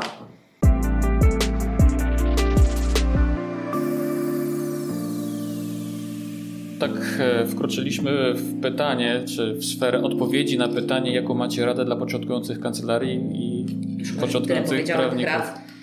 Nie wiem, czy ktoś w ogóle będzie chciał tego słuchać. Dobrze, a powiedzcie w takim razie, czego tacy początkujący prawnicy powinni unikać? Mm, to ja trochę właśnie w kontekście tego, o czym przed chwilą Marta mówiła i kontynuując, bo to, bo to jest ze sobą spójne, dwie rzeczy moim zdaniem. Nadmiernego rozpraszania uwagi. E, mm, oczywiście realia są takie, że jak przychodzi klient, to sprawę raczej trzeba wziąć, bo w ogóle fajnie, że przychodzi i trzeba sobie na tą markę wyrobić, żeby potem przed drugi, trzeci, piąty. Ale żeby nie dać się uwikłać, e, moim zdaniem w takie rozdrobnienie, że się dokładnie robi wszystko od sasa do lasa bo y, ja się obawiam, że to jest taka droga, że po dwóch, trzech latach y, zaczyna się popełniać zbyt dużo błędów, bo jest tak duża rozpiętość tego. Nie mówię o tym, że nie można mieć ogólnej praktyki i robić i spraw, i, spraw cywilnych, i, i, i, spraw karnych, ale, ale, żeby, w, ale żeby, żeby nie robić wszystkiego naraz po prostu. Y, Albo nie brać spraw, na których się nie znamy, Dokładnie. tylko po to, żeby wziąć sprawę, Dokładnie, bo to, mam, to tak. jest zwiększa ryzyko błędu i jakiejś tam kłótni z klientem, czy powiedzmy mhm. problemów. Tak, tak. Tak, tak. I, i, też, i też odbiera w ogóle Wam przestrzeń na to, żeby, żeby ćwiczyć się w tym, żeby być coraz lepszym w jakimś obszarze, nie? Że po prostu tracicie energię, rozpraszacie się ciągle, ciągle robicie inne rzeczy i trudno wyrastać na coraz lepszego specjalistę. Jesteście od, tak no, bardzo, bardzo rozproszoną osobą, więc, więc to, jest, to jest jedna rzecz, której, której bym unikała. Unikałabym też to, o czym powiedziałam, e, wchodzenia w e, podejmowanie się spraw, których na od początku czujecie, że coś jest nie tak na linii z, na linii z, z klientem. Yy, I ja miałam kilka w życiu takich spraw, i za każdym razem, yy, kiedy nie posłuchałam tej intuicji, tak naprawdę, mm-hmm. żałowałam, mm-hmm. bo to też przekłada się na sytuację tego klienta. Jakby nasze problemy komunikacyjne sprawiają też, że jakby no, jemu też jest w jakimś sensie gorzej. I E, I w ogóle uważam, że nie warto. Po prostu strata czasu, energii, trzeba go, a nie zostawiać. Odesłać, polecić ko kogoś innego, jakąś alternatywę. Mhm. I w, ale, ale, natomiast takich rad, co ja uważam, że bardzo warto zaaprobować i, i wyeksponować, to to, żeby słuchać ludzi, którzy do Was przychodzą i mieć dużą e, e pokorę. Trzeba mieć oczywiście e, wiedzę, to jest nasz obowiązek, żeby mieć wiedzę prawniczą ale co do faktów, co do stanu faktycznego, niuansów, ci ludzie, którzy przychodzą ze swoimi sprawami, często dostrzegają detale, które my w kartkowaniu tych 100, 200, 300 tomów możemy po prostu ich nie zauważyć. Czasami przywiążą się do jednego SMS-a tak bardzo, że za któryś razem jak się go przeczyta, to się naprawdę coś tam więcej zobaczy. I ja bardzo, ja, ja mam taką formułę pracy, że mocno współpracuję, jestem mocno w bieżącym kontakcie e, z, z osobami, dla których pracuję. I wiele razy mnie nauczyły nawet te osoby, z którymi mi było trudno i nie po drodze wcale, i, i były dla mnie takie, wydawały się uporczywe w tym kontakcie, one też mi zwracały uwagę na ważne rzeczy. I, mhm. i to jest tak jak z, jak z, każdym innym zawodem, jak z lekarzem. Ja mam teraz psa, który jest leczony onkologicznie i leczę go świetnego onkologa, profesora, ale było już kilka takich sytuacji, które to ja, jako jego opiekunka tego psa dostrzegłam, a lekarze poprzez to, że no, mają dużo przypadków, mhm. po prostu przeoczyli. Mój mhm. pies na przykład po tramalu mógłby zejść z powodu padaczki, bo dostał mhm. bardzo rzadkiego skutku, skutku ubocznego, którego nikt nie zobaczył w tym szpitalu, poza jego opiekunką, która oczywiście jest przewrażliwiona na tym punkcie. I ci ludzie, którzy do nas mhm. przechodzą, też są przewrażliwieni, ale w pewnym aspekcie, ale, ale i tak warto ich słuchać i przefiltrować. Mhm. Mhm. A ja bym dodała, y, że młodzi prawnicy y, powinni unikać pychy E, I mogę to powiedzieć z obserwacji,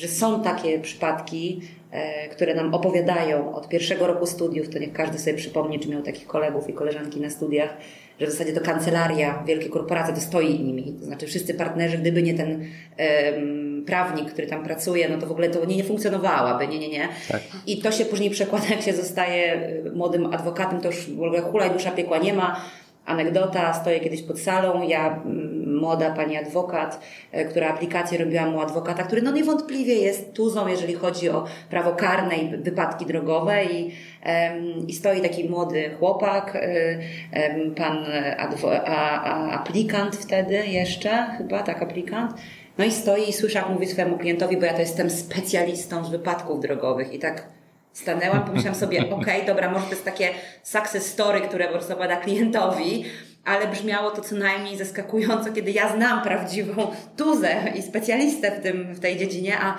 więc y, unikanie pychy y, i no właśnie ta dystynkcja między to, ta, ja bym to może nakreśliła mianem autorefleksji, to znaczy cał, stałego obserwowania siebie i zastanawiania się, z jakiego powodu ja podejmuję pewne decyzje. Dlatego, że tylko ten rodzaj świadomości, dlaczego ja teraz zrobiłem tak, dlaczego na przykład teraz temu klientowi odpowiedziałem w taki sposób, a dlaczego w innej sytuacji inaczej, daje nam szansę na to, żeby gdzieś wypracować sobie właściwy model postępowania. Najgorzej jest, kiedy podejmujemy jakieś decyzje bezrefleksyjnie. Tak jest na przykład na gruncie prawa karnego. E, i mamy sytuację zatrzymania, mamy szybką, szybką możliwość, wiemy bardzo mało, sytuacja, policjant nam mówi, macie 10 minut na uzgodnienie linii obrony, musimy szybko ocenić, czy nasz klient będzie w stanie złożyć wyjaśnienia, czy w ogóle ma cokolwiek do złożenia wyjaśnień, więc nie róbmy takich kroków bezrefleksyjnie na zasadzie, a to może tak, a to może inaczej, tylko zastanówmy się na zasadzie, dlaczego ja podjąłem teraz taką decyzję i czy mając te wszystkie parametry, podjąłbym dokładnie taką samą w przyszłości, bo tylko to daje nam szansę w przyszłości na usprawnienie tego swojego warsztatu. Więc to bym jeszcze unikałabym nie zastanawiania się nad tym, dlaczego robimy pewne rzeczy w swoim zawodzie. A powiedzcie, co według Was każdy prawnik powinien przeczytać? I nie mam na myśli tutaj kodeksu cywilnego czy kodeksu karnego, coś innego. Jest taka książka Myślę sobie, Brian, to jest nowa publikacja, więc oczywiście pomijam wszystkie takie um, znane dzieła. Ja mam całą półkę e, takiej literatury prawniczej, e, ale takiej prawniczej, prawniczej w sensie wywiady rzeki i Myślę, że na pewno warte uwagi są właśnie wszystkie wywiady rzeki z profesorem Strzemboszem, Aha. E, z mecenasem e, Taylorem. Mhm. E, to po prostu warto poczytać z mecenasem Piesiewiczem. Mhm. To są takie ciekawe, warto jest po prostu poznać um, punkty widzenia osób, które trochę przeżyły w zawodach prawniczych i mogą się podzielić refleksją także na temat tego, że z wiekiem przychodzi pokora mhm. i z mhm. wiekiem życie okazuje się być jednak trochę mniej czarno-białe niż nam się wydaje na no początku. Właśnie, e, Ale z takich nowych publikacji, które są warte uwagi i ostatnio pożyczam ją swojemu aplikantowi, aplikanci na przykład czytają książki prawnicze właśnie jako element rozwoju i zawsze się stresuję, czy nie męczę ich za bardzo takimi, mm, takim obciążeniem. E, ale jest taka publikacja, możecie ją na pewno znaleźć w internecie, Łysina Lenina. To są Aha. pitawale z rosyjskiego rynku e, Aha. prawniczego. Aha. No, I historie, tak, i historie prawników e, rosyjskich, którzy opisują różne ciekawe, anegdotyczne sprawy, więc to jest taka forma pitawalu na naszych tych pitawali e, takich tradycyjnych i jest bardzo fajna. Aplikant wrócił, powiedział świetna, czytałem północy, więc wydaje się, że no chyba, chyba, że tutaj chciał mi zrobić przyjemność, ale, ale tak powiedział. I fajna książka z takiego mojego e, zacięcia, jeżeli chodzi o prawo karne i wartości prawno-człowiecze, to jest książka, to jest chyba, mam nadzieję, że nie pomylę imienia, na pewno nazwisko jest Stevenson, Brian. To miała, książka, którą ja chciałam wymienić. Tak, tak. Ja ją teraz Dobra, dobrze, Karolina mów. Proszę, wymień. A ja sprawdzę tytuł. Zgadałyśmy się. Rozumiem, tak. że chodzi o tylko sprawiedliwość. Tylko sprawiedliwość, dokładnie tak. Bo nie będę imienia tego. Brian chyba. No Brian, i... Ryan Stevenson. I o czym to jest? To dosyć niedawna, dosyć niedawna, z 2018 czy jakoś. To jest książka e, napisana przez, e, e, autorem jest adwokat, czynny adwokat e, w Stanach. E, który opisuje swoje sprawy e, e, prowadzone, ale on on jako, jako młoda osoba, no przyrównując jakby do, do, naszego, do naszych standardów jakby na aplikacji, czy jakby tuż po, e, spotka, spotyka się pierwszy raz z sytuacją kary śmierci, osoby skazanej na karę śmierci, zaczyna walczyć o tę osobę, sprawdza, czy ona jest, jakby to, to skazanie jest słuszne, czy można w jakiś sposób odroczyć wykonanie tego wyroku, ten wyrok zmienić, no cokolwiek dla tej osoby uzyskać, żeby żeby na tym krześle nie, mhm. Mm, nie musiała spłonąć. E, I, i, I zaczyna coraz głębiej wchodzić w te sprawy. No to jest oczywiście, to jest, to, to, to jest książka na absolutnie na faktach, napisana przez, przez osobę, która teraz tam praktykuje wciąż. To go do tego stopnia porusza i tyle rzeczy tam dostrzega, że zakłada fundację, która jakby do dzisiaj już od lat e, funkcjonuje w Stanach i opisuje w tej książce, jak niebezpieczny jest taki populizm penalny, który w Stanach jest niestety z uwagi na to charakter jakby wybierania sędziów, tam no jakby to jest dużo bardziej polityczny, mhm. polityczne są te, te, te, te, polityczny może być wpływ e, na to. Mm w, w to, w, w, jak bardzo przekłada się ten wymiar, jak bardzo ten wymiar sprawiedliwości odwzorowuje e, uprzedzenia rasowe w Stanach, e, e, jak bardzo niebezpieczna jest e, restrykcyjna polityka karna, która nie tylko e, prowadzi do e, oczywiście niesprawiedliwych i najbardziej drastycznych kar, jak kara śmierci, ale też w ogóle koncentruje się na bardzo szybkim i na skuteczności mierzonej szybkim, surowym skazaniem, że e, to wcale jakby nie uczy społeczeństwa sprawiedliwości, to uczy społeczeństwa karania, jakby -hmm. winy i kary, takiego -hmm. brutalnego osądzania, a nie e, a nie edukacji takiej o sprawiedliwości, nie jakiegoś wyrównywania z poziomu zrozumienia krzywd. E, I on opisuje tam przypadki wielu swoich klientów, części, części takich, którym towarzyszył e, aż do momentu wykonania wyroku, łącznie z tym, jak jak ten wyrok jest wykonywany, jak pozostali więźniowie czują się, kiedy ich współosadzony no, jest na tym krześle. E, I, i ta atmosfera z, tych, e, z tego zakładu karnego, ale też oczywiście są historie, w którym mu się udaje, nieprawdopodobne historie błędów, w, w wyroków, które nigdy nie powinny zapaść. I e, tego, jak on próbuje dojść do tej prawdy i jak na wielu poziomach spotyka się z murem systemowym i nie tym, prawnym, tylko tym, że tam za tym prawem stoi człowiek, najczęściej biały i e, jak, jak próbuje, jak, jak te ławy przysięgłych e, złożone z, z, z osób up, o uprzedzeniach rasowych mają, mogą mieć wpływ na czyjeś życie albo śmierć, jak e, surowsze wyroki zapadają wobec osób niebiałych w Stanach. Więc ta książka jest Przepraszam Cię, Karolina, bo powiedziałaś, że najczęściej biały Chodziło ci jednak o, o, o, o czarnoskórego, tak? Czarną, czarnoskórą osobę. Że najczęściej jakby... Najczęściej są karane. Najczę... Tak, tak, przepraszam. Najczęściej mhm. skazanymi, tam on w ogóle pokazuje statystyki, najczęściej skazanymi i osadzonymi w zakładach karnych Stanach są oczywiście osoby, osoby czarnoskóre. Ławy przysięgłych najczęściej składają się z osób z białych, białych. Mhm. i to już powoduje taki ogromny dysonans i on jest prawnikiem, który jest niezwykle mi to bliski, e, tak ta książka, bo on jest prawnikiem idealistą. On po prostu zobaczył mhm głęboką niesprawiedliwość i postanowił jakby wokół tego skoncentrować mm -hmm. swoją praktykę zawodową. -hmm.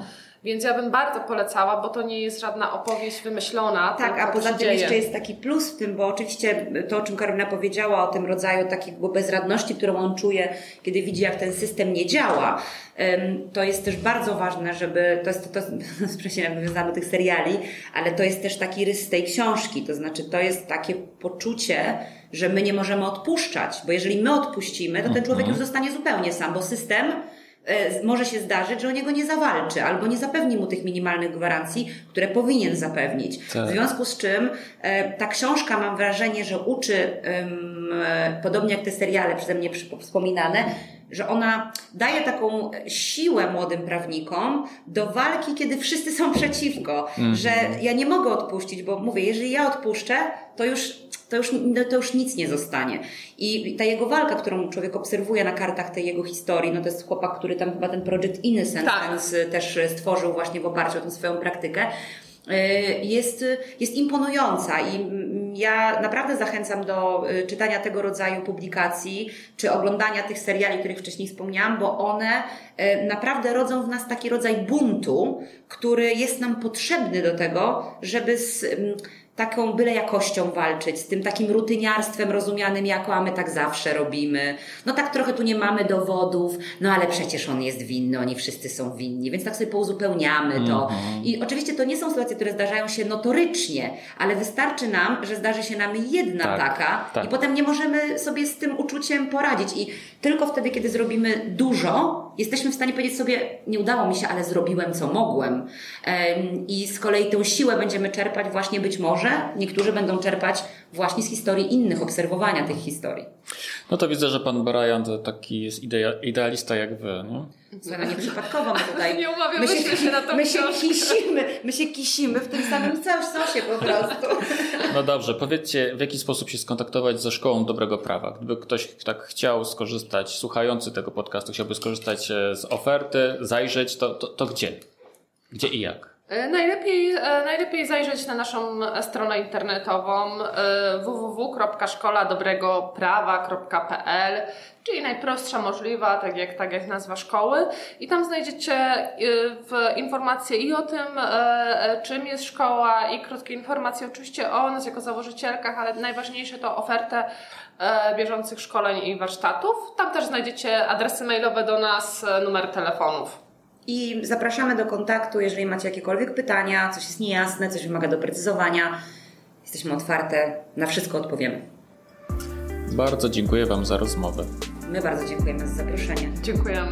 Przypomnę, że gośćmi, gościniami tego odcinka podcastu w drodze do kancelarii były adwokatki, założycielki Szkoły Dobrego Prawa, pani mecenas Marta Tomkiewicz oraz pani mecenas Karolina Kuszlewicz. Jeszcze raz dziękuję. Dziękujemy. Wszystkiego dobrego. To tyle na temat Szkoły Dobrego Prawa. Według mnie ta inicjatywa jest godna uwagi i godna polecenia. Gdyż e, rzeczywiście jest tak, że brakuje nam umiejętności tak zwanych miękkich, przez co rozumiem wiedzę na temat szeroko rozumianej psychologii człowieka, wiedzę i oczywiście umiejętność jej zastosowania. To, co zaznaczyły moje rozmówczynie, że w całym toku edukacji prawniczej nie porusza się tematu emocji i emocjonalności, jest przecież całkowitą prawdą.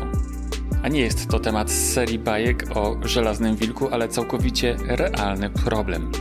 Emocje dotyczą nam w każdej chwili życia. Dotyczy to nas, prawników, podczas kiedy jesteśmy za biurkiem na sali sądowej, ale także w życiu codziennym poza pracą i poza kancelarią. E, ale dotyczy to także naszych klientów, w szczególności kiedy przychodzą do nas i siadają naprzeciwko ze swoim jakimś tam prawnym problemem. Nie funkcjonujemy inaczej niż jako istoty przede wszystkim emocjonalne.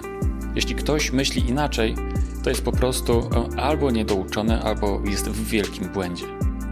O emocjach powinniśmy się uczyć albo dokształcać samodzielnie w tym zakresie. Dlatego dobrze, że Karolina Kuszlewicz i Marta Tomkiewicz starają się tę lukę w edukacji prawniczej wypełnić. Ja trzymam kciuki, aby ta idea szybko rosła. Być może warto będzie się spotkać ponownie, aby porozmawiać o kolejnych doświadczeniach Szkoły Dobrego Prawa. A kolejny odcinek podcastu będzie już odcinkiem 70. Hmm. I posłuchasz w nim rozmowy również z dwiema e, paniami, tym razem będą to radczynie prawne wspólniczki łódzkiej kancelarii. To będzie pierwszy odcinek podcastu e, właśnie z Łodzi. To tyle na dziś. Dziękuję Ci za uwagę i proszę Cię podziel się tym podcastem wśród swoich znajomych. Niech dobre prawnicze praktyki idą w świat, bo tylko w ten sposób, czyli dobrymi praktykami, przełamiemy społeczny opór przed wizytą w kancelarii prawnej. Trzymaj się mądrze i do usłyszenia w kolejnym odcinku mówił Rafał Chmielewski.